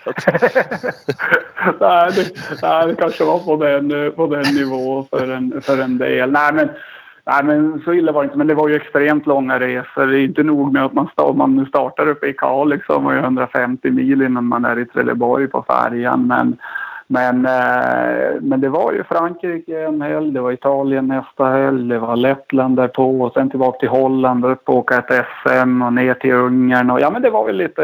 Man var ju som en modern nomad liksom. Man reste två, två dagar i början av veckan och två dagar i slutet också. Ja, ja det, det, är speciellt det där. Men då har det, alltså VM, då har det flängt runt i många länder. Det är det. USA har du varit och kört en del. Eh, du är ju även isländsk mästare va? ja, ja. Den är ju lite Ja, alltså så här, historien är egentligen så här att jag lärde känna en hel del islänningar under de vintrarna jag tränade i Spanien. Nu hoppar vi väldigt mycket fram och tillbaka men jag åkte där sen i tre, fyra vintrar där nere Eh, på solkusten i Spanien och ehm, umgicks mycket med islänningar där och i slutet av karriären då så det fanns lite tid och helger över så blev jag ditbjuden till Island ganska mycket. De ställde upp sig, hade lånehojar och ja, men jag behövde bara packa min personligaste utrustning och flyga över där. Så jag tävlade en del på Island och eh, förutom att det är ett trevligt land och man gillar folket så gick det himla bra där. Jag, hade, jag var absolut inte snabbast alltid, men jag vann alltid när jag var där. Jag hade, jag hade helt enkelt en himla tur alltså många gånger. För de hade amerikanare där, det var inbjudna engelsmän och ja, men det var många duktiga åkare. Men det, det bara föll min väg varje gång jag tävlade där. Han som ledde föll på sista varvet eller jag tog starten när det var mudrace. och det gick inte att åka om för att det slog igen glasögonen hela tiden. Och, eh, ja, men jag, jag fick verkligen alltid till det på Island. Och dit åkte jag även efter avslutad karriär och åkte några, några isländska mästerskapstävlingar för skojs skull och vann dem också på både förtjänt och oförtjänt skulle jag säga. Ja. ja. Men det var ju kul. Litet land. Liksom, du fick vara med i Sportspegeln på kvällen och det var tv-sänt och så här. Det var ju ett roligt land att tävla på ganska ojämn nivå. Det var ju full startgrind men du kanske varvade den 30 platsen efter fem varv. Så det, det var ju väldigt utspritt fält. Vi, vi, har pratat om det där förut jag och Ola. Så här, liksom, vad ska man göra? Någon gång har vi sagt också att MX3-VM tappade status. Ja, men vad fan satsa där ändå svenskar. Det var ju VM mm. längre trots. Mm. Liksom. Vi, du har ju chansen att liksom vara på pallen då för vi som är duktiga. Likväl åk till Island och gör det bra. Vad har vi pratat med dem för länder? Så här, man säger ibland någon som är och kör liksom i Ja, Asien liksom. Det, det, det, finns ju mycket options ändå. Det, det körs ju cross över nästan hela världen. Alla, alla länder är inte framstående. Nej, men uh, absolut, jag håller med.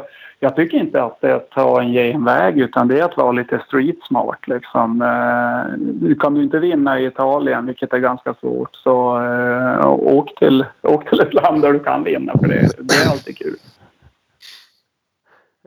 Ja men det är det. Och liksom som sagt du blev ditbjuden så jag vet inte om det var några prispengar på Island men det går säkert som hyfsad svensk liksom få startersättning i resan, lite stålar, lite ja men sådär så att man både åker ja, men som proffs och gör, gör resultat. Ja, ja, men, ja, men så var det. Jag, kom- jag kommer inte ihåg om det var några pengar, men i alla fall eh, resan och uppehälle och frihoj och, eh, och mat och lite sånt. Så att om inte annat en bra boost för, för självförtroende och för, eh, för utvecklingen. Sen, sen om man rent ekonomiskt gick fram på det, det, det, det vill jag inte minnas. Men, men, Men, ehm, man behövde ja, kanske inte gå så vansinnigt mycket back heller. Och det, liksom, det är ju ett minne. Det är en rolig grej att komma ihåg istället för att ligga hemma i grushålan och, och inte bli något snabbare heller.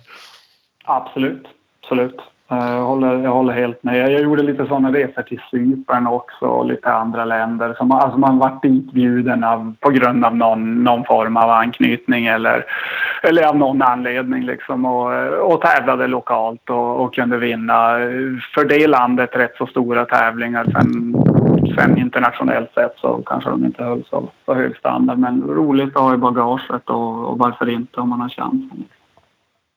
Absolut. Nej, Det är skitkul. Eh, Det för oss ju så lite in på eh, så, så som du har drivit din karriär. Det som gjorde att jag tyckte det var extra kul att följa det också. För det kändes som att du, no, no offense, men du var inte bäst liksom. Du var inte bäst i Sverige. Fyra, det är inte dåligt.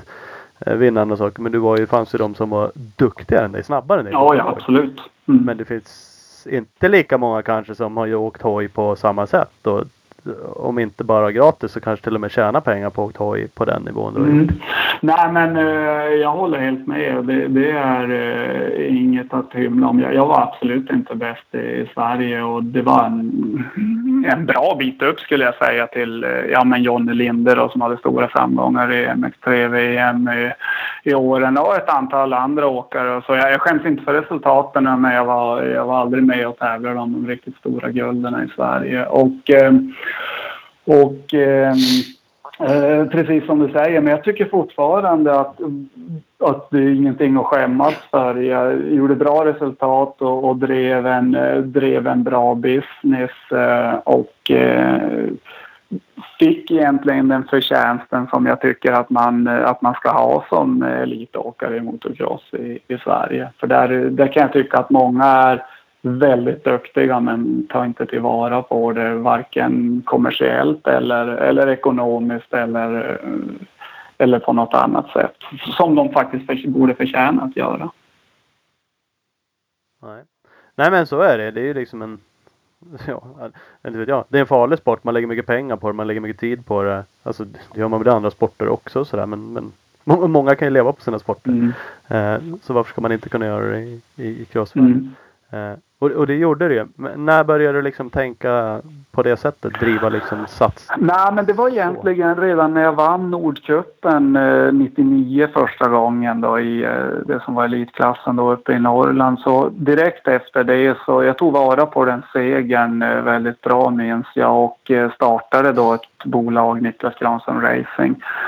Eh, och efter det, sista sex, sju åren då, så drev jag min, min karriär i bolagsform och, och det skulle jag säga är fullständigt nödvändigt om du ska kunna, kunna lyckas kommersiellt och ekonomiskt också. För att, eh, att, att åka motocross på elitnivå och kalla det för hobbyverksamhet, det är inte, det är inte rättvist. För att det, det är ingen hobbyverksamhet. Du omsätter flera hundratusen, kanske uppåt en miljon när du börjar komma på riktigt, eh, riktigt högt upp per säsong. Liksom. Och, eh, men det, det är ingen hobbyverksamhet någon mer utan då, eh, då i mina ögon det absolut enda rätta är att driva det i bolagsform. Ja. Hade, du har ju drivit massa riktiga bolag tänkte jag. Nu sa du att hojåkning också är det. Eh, Efter det Mm. och liksom det, det är det du har livnärt dig på. Att starta bolag och du har sålt några bolag bland nyligen och lite sådana saker. Men fanns det en tanke när du startade hojverksamheten att det här ska jag eh, liksom tjäna pengar på också. Det här ska jag plocka ut lön så jag kan betala min hyra och jag kan åka på semester sen. Ja, men det, ja, men det gjorde det. Absolut. Eh, jag hade inte tid att jobba. Jag behövde ju för att eh, resa och åka alla tävlingar så behövde jag ju eh, Eh, så, så fanns det inte tid över till att jobba också. Så att, ehm, så att ja, det var väl egentligen min målsättning. Men sen framförallt det som är det stora hela med att driva sin motocrossåkning i bolagsform, det är just att du kan du kan liksom skicka avdragsgilla fakturer, du blir legitim, du får ett, en F-skattsedel och ja, men du, du driver det precis som vilket bolag som helst. Sen ska det också sägas att det är en fantastisk skola, det är en fantastisk utbildning att, eh, att driva sin motocrossåkning i, i bolagsform. Det lägger ju grunden för för, för framtiden om det är någonting som du vill göra fortsättningsvis. Och vill du inte göra det har du i alla fall fått en bra skola. Varför känns det som att så många är dåliga på det då? För det, ja, alltså nu finns det ju andra som, alltså det finns ju många som driver det, som har ett företag i alla fall. Min upplevelse är att det är ganska få som driver det med någon form av vinst och liksom, och kanske inte ens har ambitionen att, och ha det som... Det vet jag inte. Det kan jag inte svara på generellt. Eh, jag känner för få, eh, för få motocrossåkare idag men eh, men i alla fall för egen del. Eh, då ser man det ju även från andra sidan och, eh, och där, eh, där ser man ju direkta fördelarna med att när du driver i bolagsform just att kunna, kunna ge ut sponsorpengar. Alltså går man på, eller marknadsföringspengar vad man då vill kalla det. Går man rent skralt så ska jag som bolagsägare idag hjälpa en, eh, en kille eller tjej som är duktig i motocross och de inte har det i, i bolagsform så ska jag göra det på ett lagligt och ett korrekt sätt så är det ju att jämställa det med lön. Det vill säga jag måste göra en löneutbetalning och vad blir kvar då? Ja, du har alltså skatter, sociala avgifter och allt. Det blir mm, kanske hälften kvar i, i fickan för den, för den utövaren. Det kostar företagen för mycket och blir för lite kvar.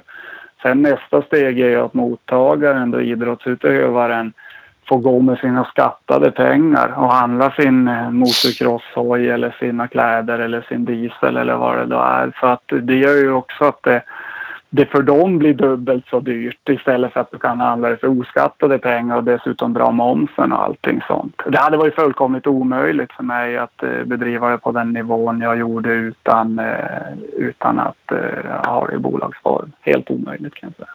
Tror du det var lättare att vara där uppifrån? Alltså, levde du på din anknytning till liksom Norrland? Ja, det skulle jag nog säga att det var i alla fall inte till någon nackdel. Alltså Kalix är ett väldigt motorsportcentrum. Vi hade, vi hade nästan 2000 eh, i publiken på Nordcupstävlingen när den gick i Kalix. Det var inte så många år den gjorde det, men när den väl gjorde det. Så det är ett enormt intresse. Vi har flera duktiga rallycrossåkare, vi har stor motorstadion och många duktiga snöskotercrossåkare och så. Så att eh, det är ett litet motormecka. Det hjälpte såklart till. Men det gör ju också att vi är många som delar om de, om de pengarna som finns i en, i en liten kommun. Så att eh, både för och nackdelar. Men, men självklart så var det lättare att få en eh,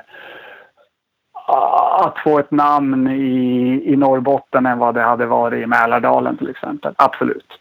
Ja, men det, alltså, så kan det vara. Men precis som du säger så är det ju är det ju mindre. Det är för och nackdelar. Stockholm är gigantiskt för stora företag. Jättestora företag. Pre precis. Där. Och, och desto fler. Men om man säger så här ehm, för att ge lite tips till, till de till de aktiva idag om man kan dela med sig liksom så, så skulle jag säga att ett är att driva sin motocrossåkning i bolagsform. Det, det är ett måste för att, eh, för att lyckas och för att du ska kunna ta emot de stora, eh, de stora sponsorerna. För i all ära en, eh, ett par fria glasögon och en hjälm eller att du får fylla tanken med diesel en gång eller vad det då må vara. Det är, eh, det är inte dåligt. Det är värt mycket det också. Men, men du måste också få pengar, alltså riktiga pengar som du faktiskt kan leva på och köpa mat för och betala hyran eller flygbiljetten eller vad det än må vara. Uh, och sen är väl egentligen tips två skulle jag säga är att, att det kostar pengar att tjäna pengar. Uh, med det menar jag att det är som vilket bolag som helst. Det kan omöjligt vara 100 vinst utan det, det, måste finnas avbränningar. Att ta fram det här dyra sponsorfoldern eller att, eh, att göra de olika eh, sakerna som behövs kostar faktiskt pengar. Men det är som vilket bolag som helst. Plus och minus. Det ska bli mer plus än vad det blir minus.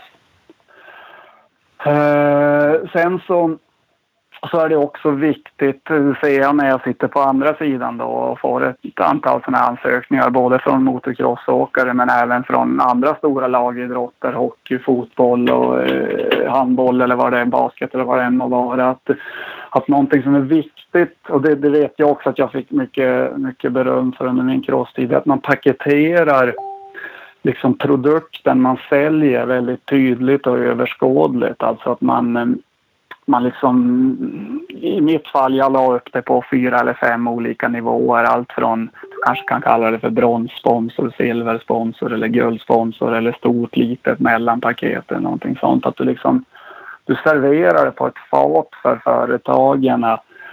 I exempelvis silverpaketet så ingår det klistermärke på hojen 5 gånger 10 cm, dekal på bussen 30 gånger 60 cm eh, omnämnd i, på hemsidan. Eh, ja, men ett, att du liksom paketerar det. Sen guldsponsor så har du plussat på ytterligare och så kanske du har någon huvudsponsor där du har adderat på en massa andra paket. för att man måste göra det enkelt för företagen som ska välja för att de får in väldigt mycket förfrågningar och ansökningar och eh, ett ludd, en luddig fråga ger ett luddigt svar. Man måste paketera det tydligt. Uh, så det är väl några utav, uh, utav grundtipsen eh, som jag kan, uh, kan tycka. Och sen att man bygger upp ett starkt varumärke runt sig själv och runt vad man står för och sina tankar och ja men allting. Att man helt enkelt blir attraktiv att, att synas. Och sist men inte minst att vara kreativ för att en whiskyflaska och ett tackkort efter säsongen i all ära. Det är, det är såklart uppskattat men men om du ska in på de lite större bolagen, jag hade Swedbank, Silja Line och Billerud, Korsnäs och lite andra sådana där som, som hjälpte mig. Och det är att hitta på någon form av mervärde till bolagen exempelvis. Eh, eh en kväll eh, varje säsong så har, de, har man, anordnar man en grillkväll ute på banan där de får komma ut och provköra ens hojar eller eh, alltså olika jippon som, som ger ett mervärde för företaget och för personalen som jobbar för då är det så mycket lättare att sälja in det. Jag menar i Kalix om jag hade en sån kväll och så kommer Billerud ut och så får de provköra två av mina VM-hojar. Alltså du fattar du för han anställda fabriksarbetaren, det är ju en dröm att få testa en VM-hoj. Det kanske kostar 20 000 plus moms ja. den kvällen för dem. Men, men de har ju aldrig ens fått uh, knappt sitta på en hoj av den kalibern. Det kunde vara de riktiga tävlingshojarna. Visst, det gick en kylare, det kunde gå ett styre och ett gashandtag för att de kraschar och allt möjligt sånt Men vad är det? 5 000 ut, 20 000 in, skillnaden är 15 000. Det var liksom så man man fick jobba sig fram och det, det gav rätt mycket, mycket bra, bra insikt och rätt så bra pengar också. Ja. Ja, ni hör, jag gillar att prata om marknadsföring och sponsring och sånt. Det är min, det är min, business är alltid kul. Nej men det, ja, alltså det är asintressant där och vi, vi pratar ju mycket om det här också. Det är inte så lätt. Vi vill också, vi säger också ofta att man måste ju liksom erbjuda någonting. Eh, det dök upp, jag vet inte om du såg, om det dök upp i ditt Facebookflöde, men det var ju en massa förare som körde en sponsor.me kampanjer för. Mm -hmm. Nej, den har jag inte sett. Eh, en webb, en, nej, du följer för lite. ja, Eller så följer vi för många. Eh, ja, vi följer för många. det varit lite inflation i det där och det var väl i och för sig kul. Men det var lite det där. Ja, man ville ha 20 000 kronor. Man satte upp några paket. Man berättade inte riktigt vad man skulle göra med pengarna. Eh, ambitionen var rätt låg tyckte vi för det var mellan 20 och 40 000 var liksom totalbeloppet mm. man ville ha in. Hjälp mig med min... Gäller EM elitsatsning liksom. Jag ska åka EM, jag ska åka danska, jag ska åka SM och jag vill ha 25 000. Ja men det är inte ens startavgifterna liksom. Nej, nej. Nej, den eh, låter väl eh, låg. Men, men sen jag, jag kommer ihåg att jag resonerade så här, för det hör jag ibland ute bland, eh, blir den anknytningen jag till cross idag, att eh, att de till exempel, ja men vadå, ska jag skicka en faktura på 5 000 kronor plus moms? Va? 5 000 det är väl varken från eller till. Jag, jag har liksom en budget på 600 000 för min säsong.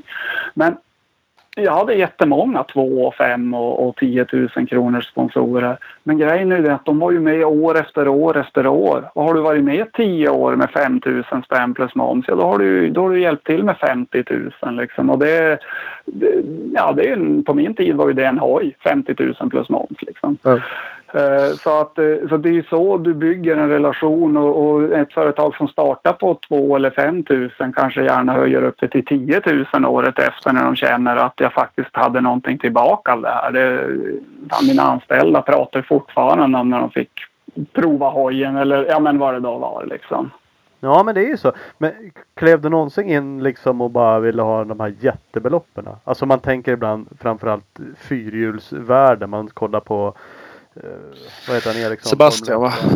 1, Racing. Man bara Nej, Nej, vad heter han? nej. Ja, Mattias Ekström. Marcus Eriksson. Marcus Eriksson. Eriksson. nej, nej, på den nivån var det inte. Och som tur var hade man inte den budgeten heller att fylla. Utan eh, nej, det var, det var sällan några Men astronomer. om man tänker sig motsvarande. För han lär ju vilja ha 100 miljoner av en sponsor. där. Men då, då tänker man så här. Jag drev lite teamet. Om man liksom hade visioner. Och man bara shit man borde kunna få in en huvudsponsor här liksom. 200 000, 250 går det att få in de här pengarna och man börjar liksom sväva i tankarna. Vad erbjuder man då? Och, men man kanske svävar Nej, alltså, ja, alltså för mig fanns det inte, var aldrig de eh, summorna aktuella. Utan jag skulle säga att runt 50 000 var väl, var väl min största. Ja, alltså jag hade branschsponsorer. Om man säger så här, jag fokuserar inte särskilt mycket på branschsponsorer. Jag hade uppbackning från Yamaha, jag hade Kalix Snöskoter och MC och Yamaha Center i Luleå så som gick ihop. Så jag hade ju jättemycket fria lånehojar. Jag hade upp till 7-8 stycken per säsong som jag fick låna och använda i 15 timmar och så skulle de lämnas tillbaka med nya däck och nytt drivpaket och ja, men allmänt bra skick liksom. Och de hade alltid gått 15 timmar, varken mer eller mindre när jag skickade in dem. Och, så här, och det är ju en, det är ju en en sponsring i sig som är värt väldigt mycket pengar men din värdeminskning på hojen var inte så brutal på den tiden utan däremot så var det bara att man slapp ligga ute med pengar. För när du första april hämtade sju nya hojar på ett bräde, det, det är klart att det är jättemycket pengar men, men värdeminskningen i sig per enhet var inte så stor. Utan det var mer bara att man inte behövde ligga ute med den. Så ser man det så så hade jag ju stora, stor hjälp liksom från dem. Men, men där det var rena ekonomiska ersättningar så var det allt mellan 2 upp till 50 000. Många runt 5, 10, 15 och 20 000 skulle jag säga. Men i och med att de bara var med år efter år när man väl hade fått in en fot och gärna dök upp det och kände att de fick någonting tillbaka så blir det ju många bäckar små. Det blir ju, blir ju hundratusentals kronor liksom i slutändan. Ja men det blir det ju. Alltså absolut. Och det är Och vilket, och vilket nätverk tänkte- det är. Alltså ute i affärslivet och kontakter och den ena känner den andra som känner den tredje och liksom så här. Och det, så att det, det var ju otroligt mycket värt för, för din framtida liv efter, efter motocrossen också.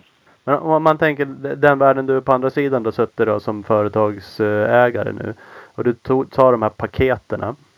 Eh, och man kan även erbjuda så träningskvällar. Så, men väger det tungt liksom? Ja, du får en logga på din tröja. Nej. Alltså eh, rent affärsmässigt så, så väger det ingenting alls. Det, det ger snarare att du får fler som söker eh, sponsorer än, än, än vad det ger tillbaka. Så, så det ger nästan ett problem. Men man har ju ett hjärta också liksom. Men jag tog med mig en, en lärdom därifrån. För att jag, jag hade ju då i, som aktiv åkare en massa motpart eller medspelare då i form av mina sponsorer. Och där såg man ju de som hanterade det på olika sätt. Liksom. Och där, där tog jag med mig en lärdom in i mina bolag som jag, som jag driver idag. Och det är att, i, i, som i mitt fall, om, om jag får in en, en sponsoransökan av eh, Kalle som ska satsa på SM nästa år. Så får alla precis samma svar oavsett sport, oavsett när på året de hör av sig är att vi i mina bolag så har vi en deadline och den, den brukar jag ha den 20 januari. Innan det ska alla ansökningar ha kommit in. I samband med ett ledningsmöte eller styrelsemöte beroende vilket bolag det är som sker i månadsskiftet januari-februari så tilldelas den pott som vi har som vi har avsatt för, för sponsring eller för marknadsföring via idrott eller annat. Och det, det tycker jag är ett seriöst sätt. Ett är seriöst mot utövaren. Han får ta fram sitt underlag, han får ansöka som alla andra. potten finns där. Den är X, XXX tusen lappar och den fördelas ut och den kan gå till hockeylaget, den kan gå till motocrossåkaren och den kan gå till pianisten eller vad det då må vara. Eh, och när pengarna är slut så, så är de slut. Och alla får inte, en del får men, eh, men man försöker ändå bygga upp en relation och helst behålla dem eh, från år till år och, och liksom bara med och bygga lite varumärke. Ett så är det proffsigt mot utövaren men också som bolag så är det, så är det väldigt skönt för att det blir annars mycket jäntelagen att ja, Kalle hörde av sig i augusti, ja men han fick 5 000 och så hörde Nisse av sig i november, han fick 10 000. Utan man, man liksom även besvarar det på ett proffsigt sätt och alla ansökningar som har kommit in under året får veta i början av februari via mejl eller att man ringer att du har blivit tilldelad XXX kronor, skicka en faktura, märk den så här. Eh, eller, eh, eller också får de veta att tyvärr så eh, vart du, fick du inte någon tilldelning i år men att du är välkommen tillbaka med din ansökan nästa år. Det tycker jag är ett seriöst sätt som företag att driva det och besvara sponsoransökningar. Så det har jag tagit med mig och det har jag tagit med mig från de stora bolagen som, från min crosstid eh, som jobbade på det sättet. Mm. Ja, nej, det är det ju verkligen. Eh, kan, kan, man då känna att kan, kan man bli för tjatig om man jagar sponsorer? Alltså känner du då ändå, känner ni någon, eh, ska man vara eh, personlig? Alltså är det fördel att ringa, mejla, eh, skicka ett sms? Ska man göra både och? Alltså, man har så, alltså, man har så himla mycket när man driver bolag och man har flera bolag eller börjar bli lite större och det, så att man har otroligt svårt för de där drop-in besöken. Det, jag skulle säga det, det är olika från person till person. En del när man gick in och sökte kunde sitta ner en timme med en och prata när man kom in medan eh, man kanske bara blev en belastning i vissa ögon. Så att där får man ju ha en liten fingertoppskänsla hur man eh, hur man eh, liksom tar kontakt. Men jag skulle säga att ett mejl idag när mejl är så pass gångbart är nog det, det allra bästa sättet att börja och inleda en kontakt eh, och sen eh, kanske telefon eller ja, men beroende på vad man får utfall för svar. Och vi, vi får kanske en sån mm. varje vecka skulle jag säga till något av mina bolag och det är ju allt från eh, Djurgårdens hockey A-lag till eh, ner till eh, en BMX-cyklare på, eh, på lokal kommunnivå. man måste ju också respektera att man har en styrelse och man har ägare och man är kanske flera ägare i bolagen och alla, alla har ju olika viljor och alla kanske har sitt hjärta inom olika sporter. Och man måste respektera om ens kollega vill hjälpa det lokala hockeylaget också. Det finns ju många aspekter liksom. Mm. Ja, men självklart. Så är det. Så det är ju såklart jättesvårt eh, på alla sätt och vis att jaga sponsring. Det är, det är lätt att sitta som vi, jag och Ola, i andra fallet sitter också och kapa de här sponsor i kampanjerna folk har tycker att de är oseriösa och dåliga förarna. Men samtidigt är det liksom Fan det är inte så jävla lätt och det är ett sätt att nå ut och det är så att det Nej, ja. Nej, det är det inte. Men, men om man säger så här, för att ens ha en förutsättning att kunna få någonting så skulle jag säga att ett är att det måste vara i bolagsform jag, jag, vet inte, jag vet inte ens hur jag ska kunna hjälpa någon som inte gör en, en sponsoransökan hos oss och inte bedriver det i bolagsform. Det, det, är, jätte, det är jättesvårt. Jag, jag, de, de ligger nog långt ner i, i listan på grund av den anledningen. Däremot en regelrätt faktura uppspesat vad jag får för pengarna och hur jag kommer synas och sånt. Och det där. Det är sällan och aldrig eh, några några sådana problem i alla fall. Och så bedrivs ju de flesta andra elitidrotterna. Både i bilsport men även inom andra lagidrotter. Det är självklart en avdragsgill faktura. Liksom. Mm. Ja, precis. Ja. Vi ska gå in lite på vad du gjorde efter crosskarriären. Mm. Uh, för, för det där kan man också känna. Jag kan känna att det, det finns fler crossåkare som skulle kunna göra business på sitt hojåkande genom att vara lite, hitta på saker och ting. Det är ju sponsring eller företagsevent. Mm. Eller faktiskt reser de jävligt mycket. Ibland känner jag så här, varför importerar man inte saker? Har en bra HGS-kontakt nere i Holland, tar hem lite rör, mm. säljer Eh, det går ju faktiskt att göra också i, bolagsform liksom på alla sätt och vis. Och man, Ja, det gjorde man ju också. Man hade ju ofta fulla väskor men gärna en container från USA som kom en månad senare också som var fylld med prylar. Och så att självklart, alltså den, eh, det här bolaget behöver ha lite mer i sin verksamhetsportfölj än bara, än bara prispengar och, eh, och sponsorintäkter eller marknadsföringsintäkter som det kanske heter mer formellt. Så att, eh, och det blir ju väldigt lätt om du har ett bolag. Då, som du säger, du har ett antal HGS-rör med dig eller, eller annat utifrån resorna. Mm. Ja, det är intressant det där. Men sagt, du, du lyckades ju tidigt med det i hojvärlden och du har ju gjort, drivit upp massa stora bolag efter det som inte är ett dugg hojrelaterade. Eh, så, så du har ju haft Ja, men jag var också ganska medveten redan vid eh, när jag kliver av crossåkningen så eh, då kliver jag av den och, eh, och satsar på någonting annat. Det, det fanns aldrig, alltså hjärta och hjärna eller hjärta och business för mig är två, två olika saker och eh, den låg inte inom, inom motocross men återigen, det är där jag har gått skolan och det är där jag har lärt mig allt och det är där man har blivit den egna företagaren. Och det, det är inte för oskuld många, framförallt individuella idrottare, driver framgångsrika bolag efter karriären. Det är väldigt, väldigt vanligt. Ja. Jag vet inte om North Power var det första bolaget du startade sen. För, för det namnet figurerade ju i slutet av din Ja, det karriär. st- stämmer. Bra påläst där. Jo, men jag, eh, jag startade faktiskt North Power under 2005, under den där min bästa säsong. Just för att jag hade börjat planera min, eh, min exit ut från, från crossvärlden. Och det var ett bemanningsföretag från början. Så att jag hyrde ut eh, trucktjänster och C-körkort, lastbilschaufförer i Stockholm och lite flytt och ja, men allmän lite verkstadspersonal och sånt. Så att eh, därav namnet och, och det var ju också ett av, eh, en av sponsorerna till crossverksamheten sista året. Kanske inte ekonomiskt men i alla fall, i alla fall fanns den ju med där som ett, eh, som ett sidobolag hela tiden. Men det var, det var på slutet. Det var i min planerade avgång. Ja. ja det ser. Jag, jag körde Sverigecupen Mm.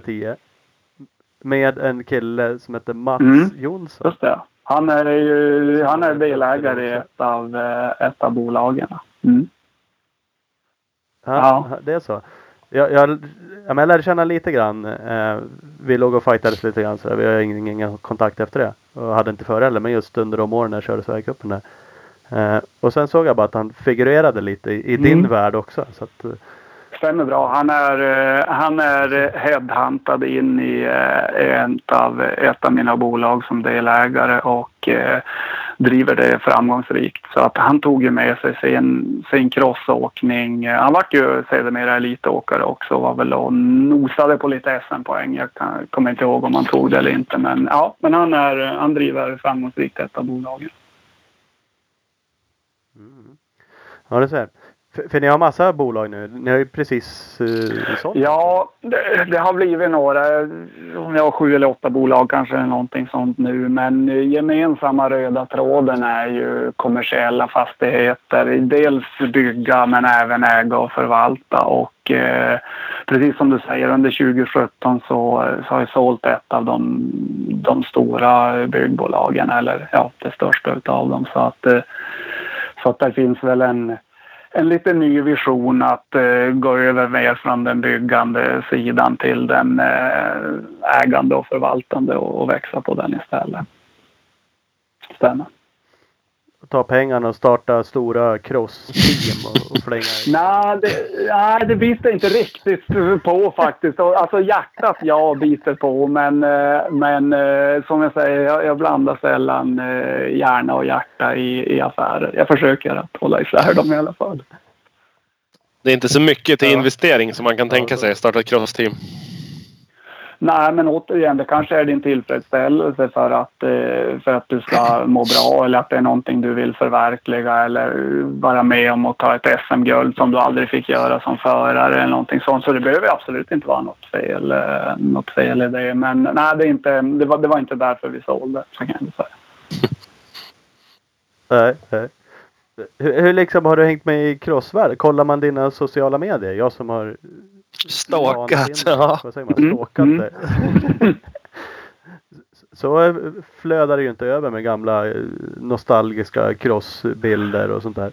Eh, hänger du med lite? I, liksom, Ja, men det gör jag. Dels har vi varit med och, och sponsrat någon, eh, någon åkare lite grann och så. Jag har försökt bara att titta på de SM som jag, som jag kan och, och hinner och ligger inom, inom rimligt avstånd och så. Men jag ska ärligt säga att det blir mindre och mindre för varje år. Det är, eh, jag jobbar otroligt mycket. Alltså en, en elitkarriär inom motocross och en elitkarriär inom, inom företagande, det är ganska samma sak. Det kräver otroligt mycket tid och engagemang och sen eh, familjer och andra saker då, som har tillkommit under åren. Det här gör ju såklart att, att tiden för utsvävningar minskar. Men ja, jag, jag följer det. Jag läser eh, det jag hinner. Jag tittar på något eller några SM varje år. Jag tittar på Supercrossen. Eh, streamar man såklart på, på söndagar under vinterhalvåret och, och så här. Så att jag följer det, inte maniskt, men, men i den mån jag hinner och kan i alla fall. Ja ja, nej men som sagt det är fullt upp med Ja. annat. Jag fick ju en, eh, en också en väldigt trevlig chans och som är, som är också en uppmaning till andra nutida elitåkare inom motocross. och Så jag, eh, efter min avslutade karriär så eh, fick jag gå ett år på Handelshögskolan på IFL på Cruyff Institute också. Ehm, det är en, eh, en utbildning som grund, grund, om man säger tesen är att du ska ha varit elitidrottare, det vill säga du ska ha levt på din idrott. Eh, du ska ha eh, ett bolag eller sitta i en bolagsstyrelse eller ha ett väldigt stort intresse runt det. Och, och vara inne på ditt sista år på karriären eller ha avslutat en karriär. Det är väl egentligen grundkriterierna. Då finns det, då när jag gick den fanns det sex platser. Jag tror att det är utökat till åtta platser nu per år. Eh, och den där gick jag då 2011 eller var det 2012 ett år och eh, fantastisk utbildning eh, där du kommer in och får få liksom gå ett år special skräddarsydd utbildning ihop med andra absoluta toppidrottare från, från Sverige, från alla möjliga idrotter. Så att eh, crossåkare som vill göra en, en andra karriär efteråt eh, söker, söker mot, de, mot de lederna och hoppas på att bli antagna för det är ett fantastiskt år. Mm.